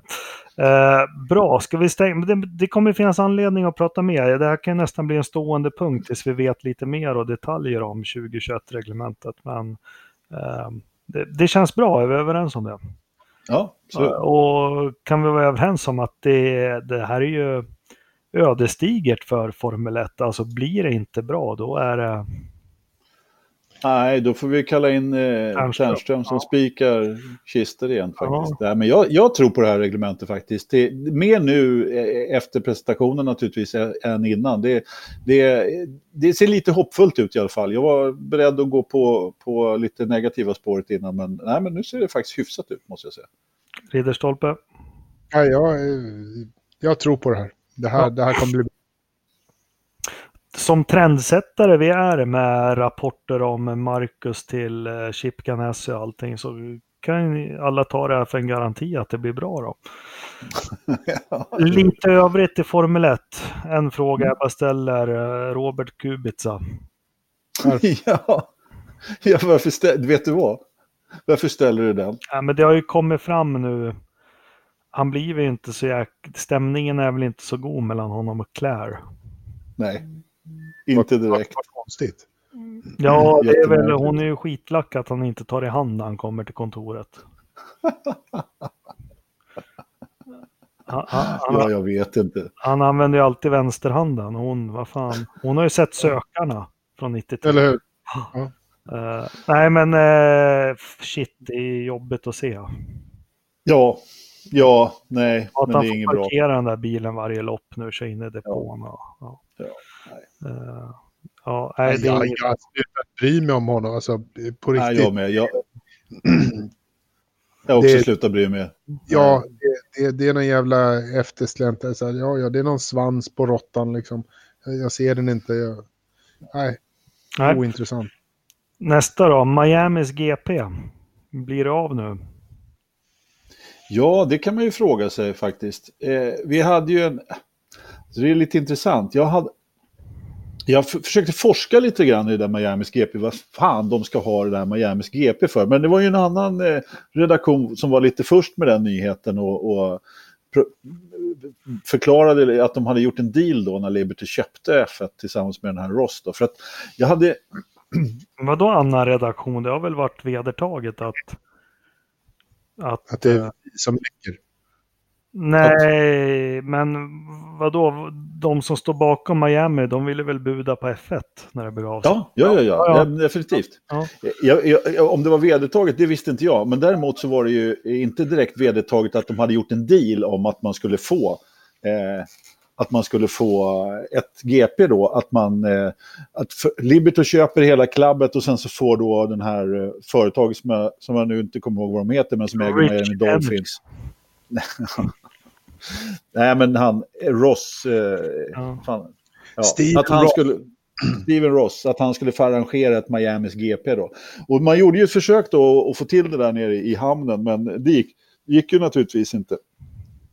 Eftersom de var så arga på, på tillfartsvägarna och så vidare. Så då, då, då backade de ju tillbaka och tog det säkra för det osäkra. Vi kör på, på, på parkeringen till mitt lilla anläggning här istället. Ja.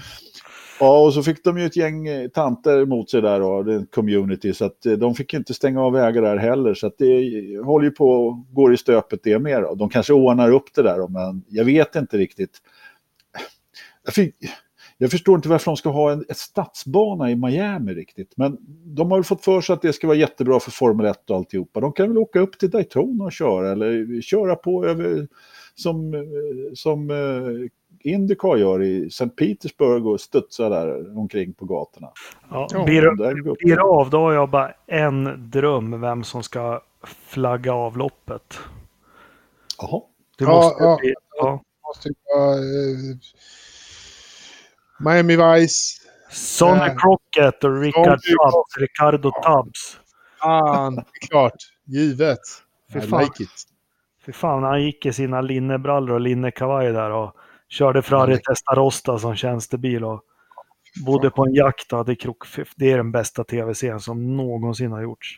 Kommer aldrig slås. Kommer aldrig. slås. Fan, vi skulle gå ut med Miami Ice-introt till den här. det är bara att fixa. Ja, det är bara Tony. Jag, jag håller inte med. Nej, Du har inget val. Vi är två mot en. de största Ja. profilerna i Miami någonsin.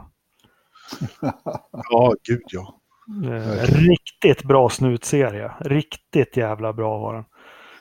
Ja, Ja, vi får se om det blir något eh, med Miami GP, men eh, de här gubbarna de, de håller nog i och försöker att fixa det där på ett eller annat sätt. Det, det var någon, någon som, han, sydafrikanen där som trodde att det var 50-50. Jag skulle nog vilja säga att det är kanske lite mer chans att det blir av. De pyntar väl av den där vänföreningen som hade invändningar. Eller, ja, vet. Men du, du har skrivit något här, det har jag ingen aning om. Stallcheferna får mindre att säga till om. Ja, men det var ju, eh, det kom ju ut här innan att man, man håller på att göra om den här, ja, jag kommer ju aldrig ihåg vad saker och ting heter, governing body eller vad fan. Man, man, samtidigt då med det här nya reglementet så kommer man ju även att, och det, men den här, det här läckte ju ut lite innan, liksom, att, att man kommer att göra om sättet som, eh, som man kommer att bestämma Eh, bestämma de här grejerna i framtiden då när det ska ändras någonting i, det sportliga reglementet så kommer man inte att ha den här eh, mötena som man har haft nu i Paris. Alla stallägare måste vara eniga. Jag har inga detaljer där, men, men den, den kommer att förändras i vilket fall som helst. Och det, det ser jag också som en av ganska positivt eftersom eh, det har ju varit ett av problemen att man inte kunnat komma någon vart. Liksom. Det, det, här är väl ytterligare ett steg i det här med att inte, inte ge Ferrari veto till precis allting. Mm. Och det är ju liksom, det är de här, vi gör Tärnström så jävla glad här just nu. Nej men alltså det, det är ju liksom det här stegen med att få en hållbar sport överhuvudtaget och kan du inte ha en spelare som bestämmer allt, hur lagets uppställning ska se ut och hur lagets eh, dojor måste, hur många dobbar de måste ha. Liksom så här, du, du måste ha någon annan, du måste ha en lagledare som bestämmer hur laget ska spela.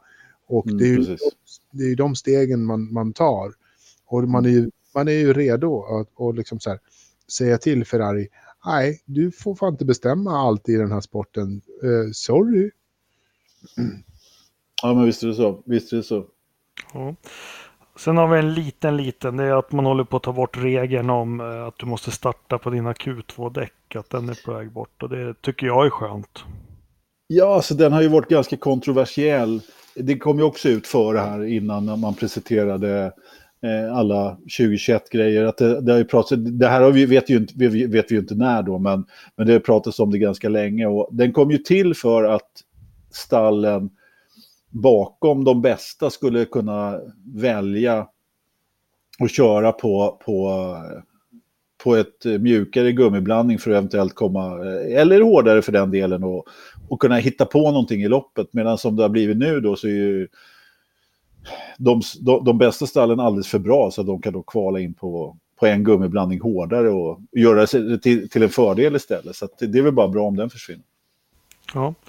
Bra, nu, nu slänger vi allting som har med Europa och Formel 1. Den största besvikelsen har alltid varit att inte Bernie var tillbaka. Men det finns ju en eh, junior där borta i Amerika, han är ju bara 83 år.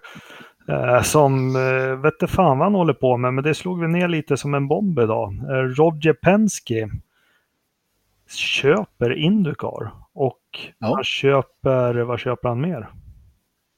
Indianapolis Motor Speedway. Precis, så han, Han fick en liten slant över som Anders får ibland. Uh, han köpte den mest ikoniska racerbanan som finns. Och, så 83 år och köper den mest ikoniska racerbanan i, i världen skulle jag säga. Ja, det hade jag redan nämnt. Men sen köper han hela... Han är ju teamägare och köper ja. hela mästerskapet. Hur går det till? Det var väl mest ja. för att det ingick i hela Halmen konsortiet som han fick erbjudande om att köpa. Vad, inne, ja. vad innebär det här för ME8, Anders? Ja du, det kan man fråga sig. Nej men han köper, han lägger det här i ett annat bolag naturligtvis. Han måste ju, han måste ju på något sätt, om man har fått, det verkar ju faktiskt som, precis som Ridderstolp säger, att Hallman har ju helt enkelt konfronterat honom och frågat liksom, mm. Ö, du, vill du tjacka det här? kan jag väl göra, vad ska ni ha? Och så har han gjort det och eh, han måste ju ha någon form av plan för att eh, driva Indycar-serien vidare, både som teamägare och ägare av hela serien. Det är ju ingen som kommer att lösa av att han låter det ligga i ett annat bolag, men jag vet inte, på ett eller annat sätt så måste han ju eh, skilja på de här grejerna. Jag, vet, jag, jag kan inte ens tänk, fundera på hur det skulle gå till, men Såg du, du, jag har inte hunnit se presskonferensen heller, den var ju här vid femsnåret idag. Jag såg, jag såg en liten bit av den och det kommer ju bli mm. någon sån här Penske Entertainment eller vad det nu hette. Ja. Eh, och eh, hela dealen gick väl egentligen till som så att eh, de som äger Indy, eh, Indianapolis Motor Speedway, eh, NTT Indycar Racing och IMS Productions som, som producerar en jävla massa motorsports eh, tv. Eh, de, ägarna där är ju Hallman and Company, eh, typ. Ja. De eh, gick helt, han, chefen där gick helt enkelt bara fram till Roger Penske efter, i samband med sista loppet förra året. Och eh, pratade med honom och sa tjena tjena. Eh, du, eh, jag tänkte nog kanske ta och eh, prata lite med dig om ett övertagande. Jag har ett erbjudande du kan inte säga nej till. Och mm. han bara tittar på honom och så här, okej. Okay. det var precis då, så han höjde ögonbrynen och tittade på, på han Tony George, eller hur Anders? Mm. Eh, och, och de bara, okej, okay, men det gör vi inte nu. Nej, nej, men det är lugnt. Ta det och vinn din, eh, din Championship här och så, så snackar vi sen. Dagen efter så började de mejla med varandra och eh, sen dess, sen, alltså det har hållit på ett år. Eh, mm. Med andra ord, eh, den här dealen. Och den har ju varit helt tyst om. Det är ju ingen som har läckt någonting och det var de jävligt nöjda över. Och det är ju spännande mm. att de faktiskt inte har, har sipprat ut någonting under, under ett helt års tid. Nej, verkligen För det ryktades nämligen innan det där som du berättar. Då, då var det någon som snackade om att just när hon gick bort där, änkan Mary mm. Hallman, den, hon, då, då, pratades det om att eh, det nu blir det nog en försäljning eller något sånt där. Men det hände ju aldrig någonting överhuvudtaget och det har ju inte kommit ut minsta lilla förrän idag. Nej, precis. Och det är ju, alltså, jag la ut det där på forumet direkt när jag såg det och det är inte sådär jättemånga som har kommenterat överhuvudtaget. Men det här är ju en skräll. Det här är en jätteaffär. Det här är en jätte jätteaffär. Liksom det här, det, det, Hallman Company köpte Indianapolis Motor Speedway 1945. Det här, Penske blir den fjärde ägaren av, någonsin av den här, av den här, av den här eh, platsen. Liksom det, det...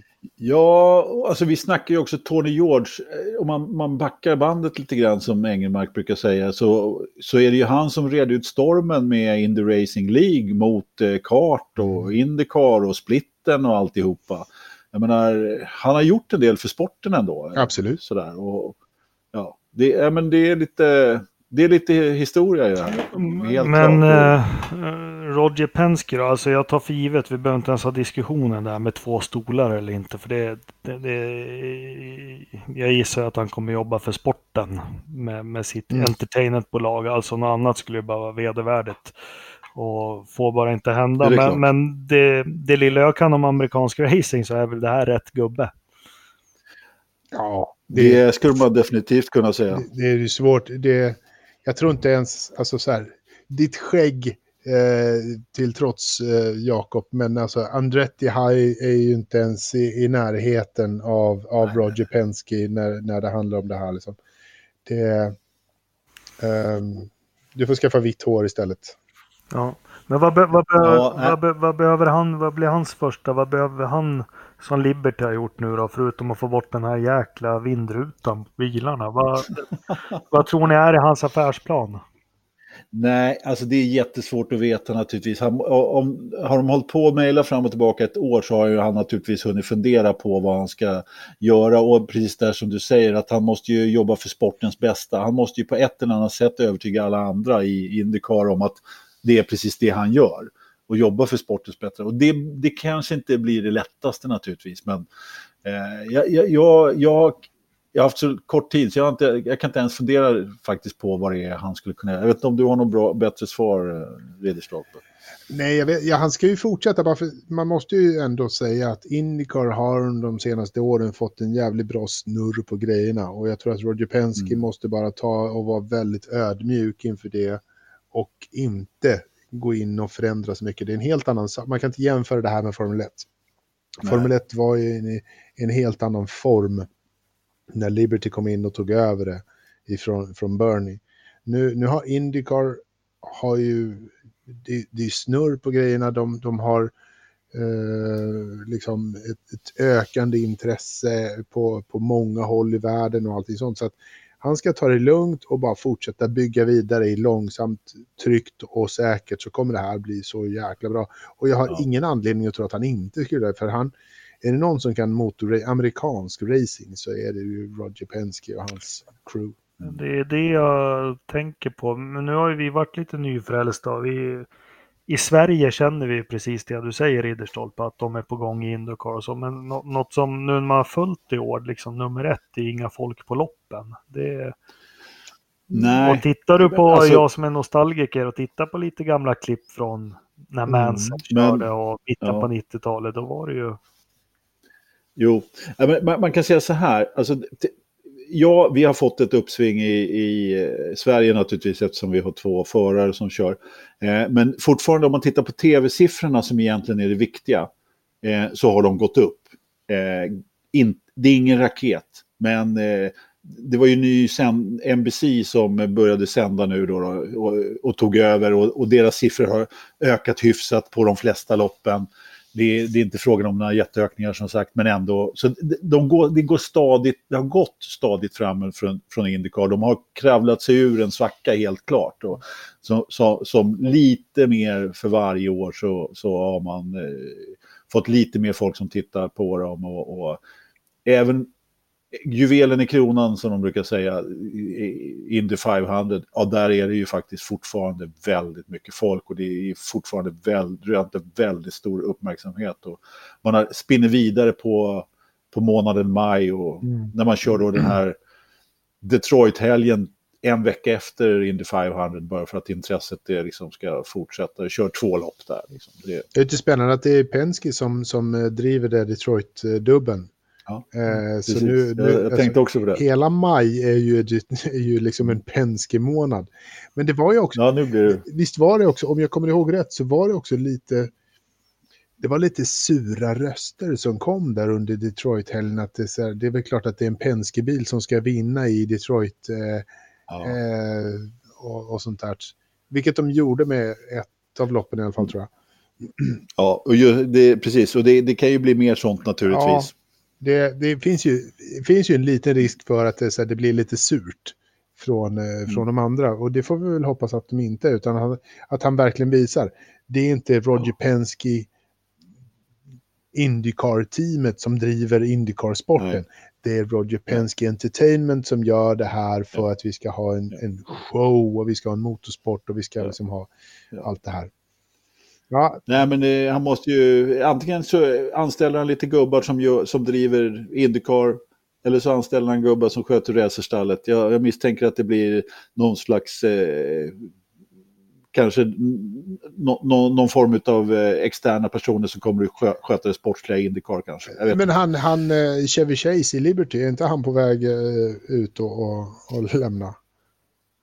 Jaha, kanske det. Jag har ingen aning om de ska sparka ut muschen. Det, det, det, ja, det, det, har inte nått mitt öra. Jag tror, att han, eh, jag tror att det inte är långt bort att han ska eh, liksom, göra någonting annat. Ja. Han kanske är på väg in i Indycar. Ja, kanske det. Fan, det var en bomb jag släppte här. Det kanske inte var meningen. Ja. det var inte meningen att skvallra. Sorry. jag var tvungen att söka igenom Twitter lite fort och liksom vad de säger där. Det är därför du har varit så tyst. Nej, Uh, jag trodde han lekte Cristiano Ronaldo och bara fixade med håret. Jag vet inte vad han gjorde. Ja, ja precis. Jag sitter och lägger luggen. Riktigt bra lejonman har jag. Ja. Uh, han är ju för att det inte ska vara en one spec serie. Mm. Ja. Mm. Det, men... Nej, men vi lär återkomma med lite mer, eh, lite mer eh, när det har gått lite längre ja. reflektioner både här och därifrån. Så att eh, vi kan ju faktiskt släppa det nu tycker jag. Nej, men det var intressant för det är någon som har listat de tio liksom, viktigaste sakerna för honom att göra nu. Uh, ja. Det beror väl på vem det är som gör listan. Om det är jag som gör listan. Det är Tärnström. Han måste få, det, det viktigaste, han måste få Indianapolis-banan och, och öppnas upp för mer serier. Uh, increase push for Indycar. Uh, uh, ja, men ja. splitten som var allting. utöka lite till Australien. Roger will most likely push for the series return to Australia. Invest more in developing the series more. Ja, men det är klart att visst, det vore jättetrevligt. Tänk på vad ett lopp kostar för de här stallen. Jo, jo, det, Australien. Det är klart att man vill... Att man... Collaboration between Indycar and other series. Indycar and Nascar doubleheader. Den är ju smart. Ja, men det är klart att man vill utöka, och, och liksom, men man måste ta det lite piano så att man inte gör om samma misstag som man gjorde förra gången. Mm. Så är det. Nej, Jakob, sluta läs nu. Jag behöver klippa ihop det här, avsnitt, det här avsnittet när, både, när vi har hoppat ut och in och lägga på ljud och fixas eftersom det har strulat som fan med tekniken. De måste ha in på en lite. tredje manufacturer. Där ryktas det om Alfa Romeo. Jättekonstigt. Ja, ja. Ja, ja, men vad fan. Först bara, "Oj, idag ska vi köra skitlänge. Sen bara stress, stress, stress. Ja, jag blir lite stressad när vi har eh, liksom pangat eh, podden tre gånger så att jag måste hålla på och klippa halva natten. Det är därför vi får... F- om ni bara hade en ordentlig internetuppkoppling så hade vi kunnat... Hörru. Åh. Okej, eh, vi skulle bara, vi har ju verkligen eh, en fråga från läsarna. Okej, p- p- ta lite pausmusik då. Du, Du, du. Hur, hur går eh, Miami Vice-låten då? Men det vet du väl? Ja, men vad fan, jag... Jävlar. Det, för fan, vet du hur mycket jag lyssnade på den i bilen för några år sedan och körde runt? Eh, nej. Ja, nej. Men vet du inte hur den går? Ja, men, du, skulle välja en, du skulle välja en fråga. Ja, ja. Vi skulle vara pausmusik, så det har jag väl gjort. Oj, nu kommer den. Hör ni? Ja. Lite. Det här hörs väldigt dåligt. Ja. Ja. Kommer ni ihåg?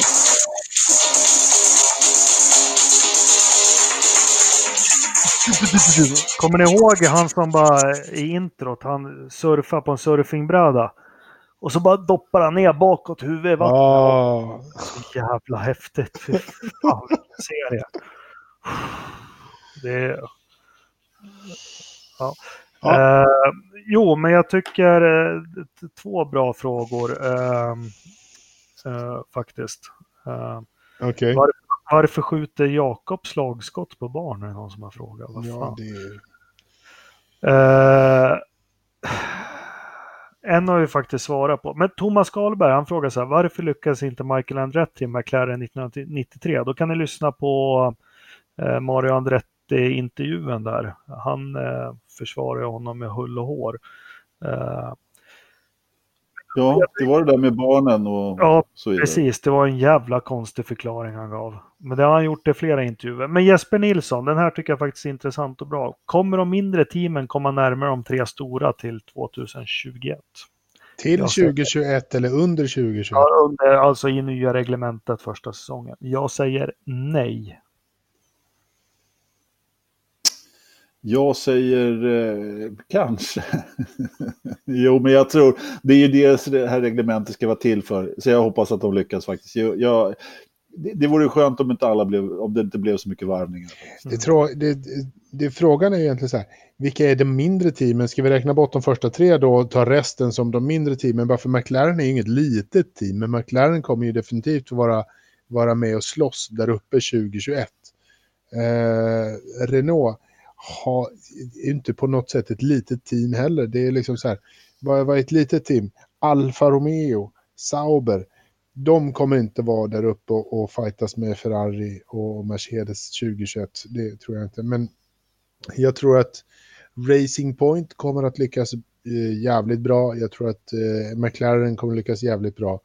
Renault är en joker som man inte riktigt vet var de landar. Det här kan ju bli, Alltså, McLaren, är, McLaren är ju redan på väg Ja, egentligen. ja. Så att, eh, så absolut. kan det faktiskt bli räddningen. Tänk på att de kör ju med Mercedes 2021. Det kan bli räddningen för Williams där också. Det kan bli rädd. Det kan det bli. Det kan också bli ett jävla fiasko. Ett jävla fiasko. Ja, Ja. kan För, fiasko. för Williams. Ja, nej, det... Vi avslutar med en fråga till Joakim Brohede. Vad bestod en Häcka special av? Det vet Det är- Potatismos, brun sås. Va? Det är inte alls Ja, oklart. Det var ju en jävla skosula, potatismos och brun sås på. Och massa stekt lök va? Jag, vet, har lite steklök. Jag kommer inte ihåg om det var några sönderkokta kokta grönsaker också. Men det, de petade i de, de i alla fall jag på. Fast det kan vara den bästa bricklunchen, för det var en bricklunch jag ätit. Ja, ja men den var, det var, den var helt okej på Alung grill i Martin Laxå. Martin Lax. Bra hörni, veckans Verstappen grabbar. Sebastian Vettel. Danny Kviat. Vad säger du då, Jakob? Nej, jag har nog ingen. Du har två, Nej, jag har... två timmar på dig att fundera. Med plus paus. Mm. Ja, precis. Nu får du fan Jag skärpa tyckte det var fint när han gick upp och gratulerade Hamilton. Ja, det skulle jag säga där när vi pratade förut. Jag tyckte det var riktigt snyggt att han eh, knatade upp i, i förarrummet. Han slog sig väl in där och kramade om Lewis. Det, han, han, ju, ju, ju långsammare Sebastian Vettel blir, ju bättre tycker jag om honom. Ja. Ja, men då får jag väl säga att det var så mycket depåstopp under över tre sekunder. Depåpersonalen. Ja, Så, schysst. Kanske hade Det ger ju alltid på den lilla. Ja, Ja, Ja? Jävligt trevligt av dig, Jakob. ja. nej, nej, de Ja. som sliter. Eh, Precis, ja, schysst, schysst. Nej, Bra. då får jag dra veckans förstappen för mig självklart. Det är ju magsjuka, usch. Det var det är riktigt. Montezuma. Och, och det, absolut värsta var, det att, det kan jag säga så här i podden, att Alice skulle ha halloween-kalas, min dotter, på lördagen. Hur fan gör vi? Jag tror Linda, hon gned in hela jävla huset i sprit och allting och jag jag fick flytta in i, i sovrummet och låg där med en fläkt, rörde mig inte i huset. Så hade de där kalas som hade jättekul tjejerna alltså. Kom Alice hem idag. Och en, två som var på kalaset, de var hemma magsjuka idag. Och så var det en till, hon spydde i skolan. ja, då känner man sig glad. Toppen. Bra det Arne. Vad händer i nästa avsnitt då? Vi lär väl prata lite om våra bravader på Mantorp. Eh, Ja, Vi kommer trycka ut info om det. Vi har inte ens hunnit prata ihop oss vi tre om det, men eh, det hinner vi väl. Tills Det hinner vi väl. ja. Jag har gott om tid ja vadå? Prata ihop oss. Jag menar, vi åker väl dit med en back öl och sätter oss och pratar. Hur svårt kan det vara? Oj, vad kul med en back öl på tre pers i två dygn. Ja, det är, det är Anders. Det, du, jag har inte haft någonting med den här inköpslistan att göra. Nej, det jag, är vet, Anders. jag, vet, jag litar på dig Ridderstolpe, för det är bara de som själva misstänker att de har alkoholproblem som pratar i enheter hela tiden. Du har pratat otroligt mycket enheter idag. Jag tänkte, fan har du varit inne på Socialstyrelsens hemsida? Ja, det, Det är så, hur många Ja, de- enheter alkohol har du fått i dig idag? det kan man få fråga. Eh, hörni, det är klar himmel i Grövelsjön. Det är Det är så? Oj, det, Ja, verkligen. Då är det kallt också Ja. ute. 16,8 grader ute. 16,8. jävlar. Ja, det fan börjar pipa iväg. Ja, Ja. Det börjar pipa iväg rejält. men det, det friskar på bra. Eh, fuktigt ute, 86 procent. Jaha, det snöar kanske. Ja, ja, Eller det skulle snöa om det var lite... Om det inte var så jävla kallt. ja, precis. Men det är inte så fuktigt inne så jag tror fan Pastis har nog inte duschat idag eller så. Han bra drag i Futurum-systemet på köksfläkten. Ja, så kan det vara. Datorförrådet va? Han kanske har en paxfläkt i badrummet också. Kanske, kanske. Eller, eller i datorförrådet. Eller i datorförrådet. Precis. Jag kan säga så här att det är imponerande med tanke på hur kallt det är ute att temperaturen har varit stabil under dagen i datorförrådet. Har varit det? Ja. Nej, men jag, jag, jag kör en sån här lite fegis 19. Ja, den är inte ens nära. 22,3. 22,6. Damn!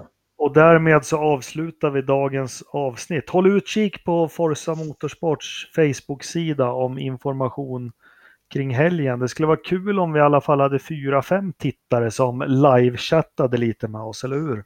Ja, men eller hur. Eh, Vi ska försöka till, få till så att, det kan, så att det går att ställa frågor och grejer där. Det har ju lite tid på er. Det håller ju på i några timmar. Så Och vet ni vad? Segern i. USAs Grand Prix, det var ju 2010-talets mest uppkörda. Tack ska ni ha allihopa. Ja, det är bra. ja, tack för att ni lyssnar. Vi får se om det blir något på. Hej! Hej, hej. Hej.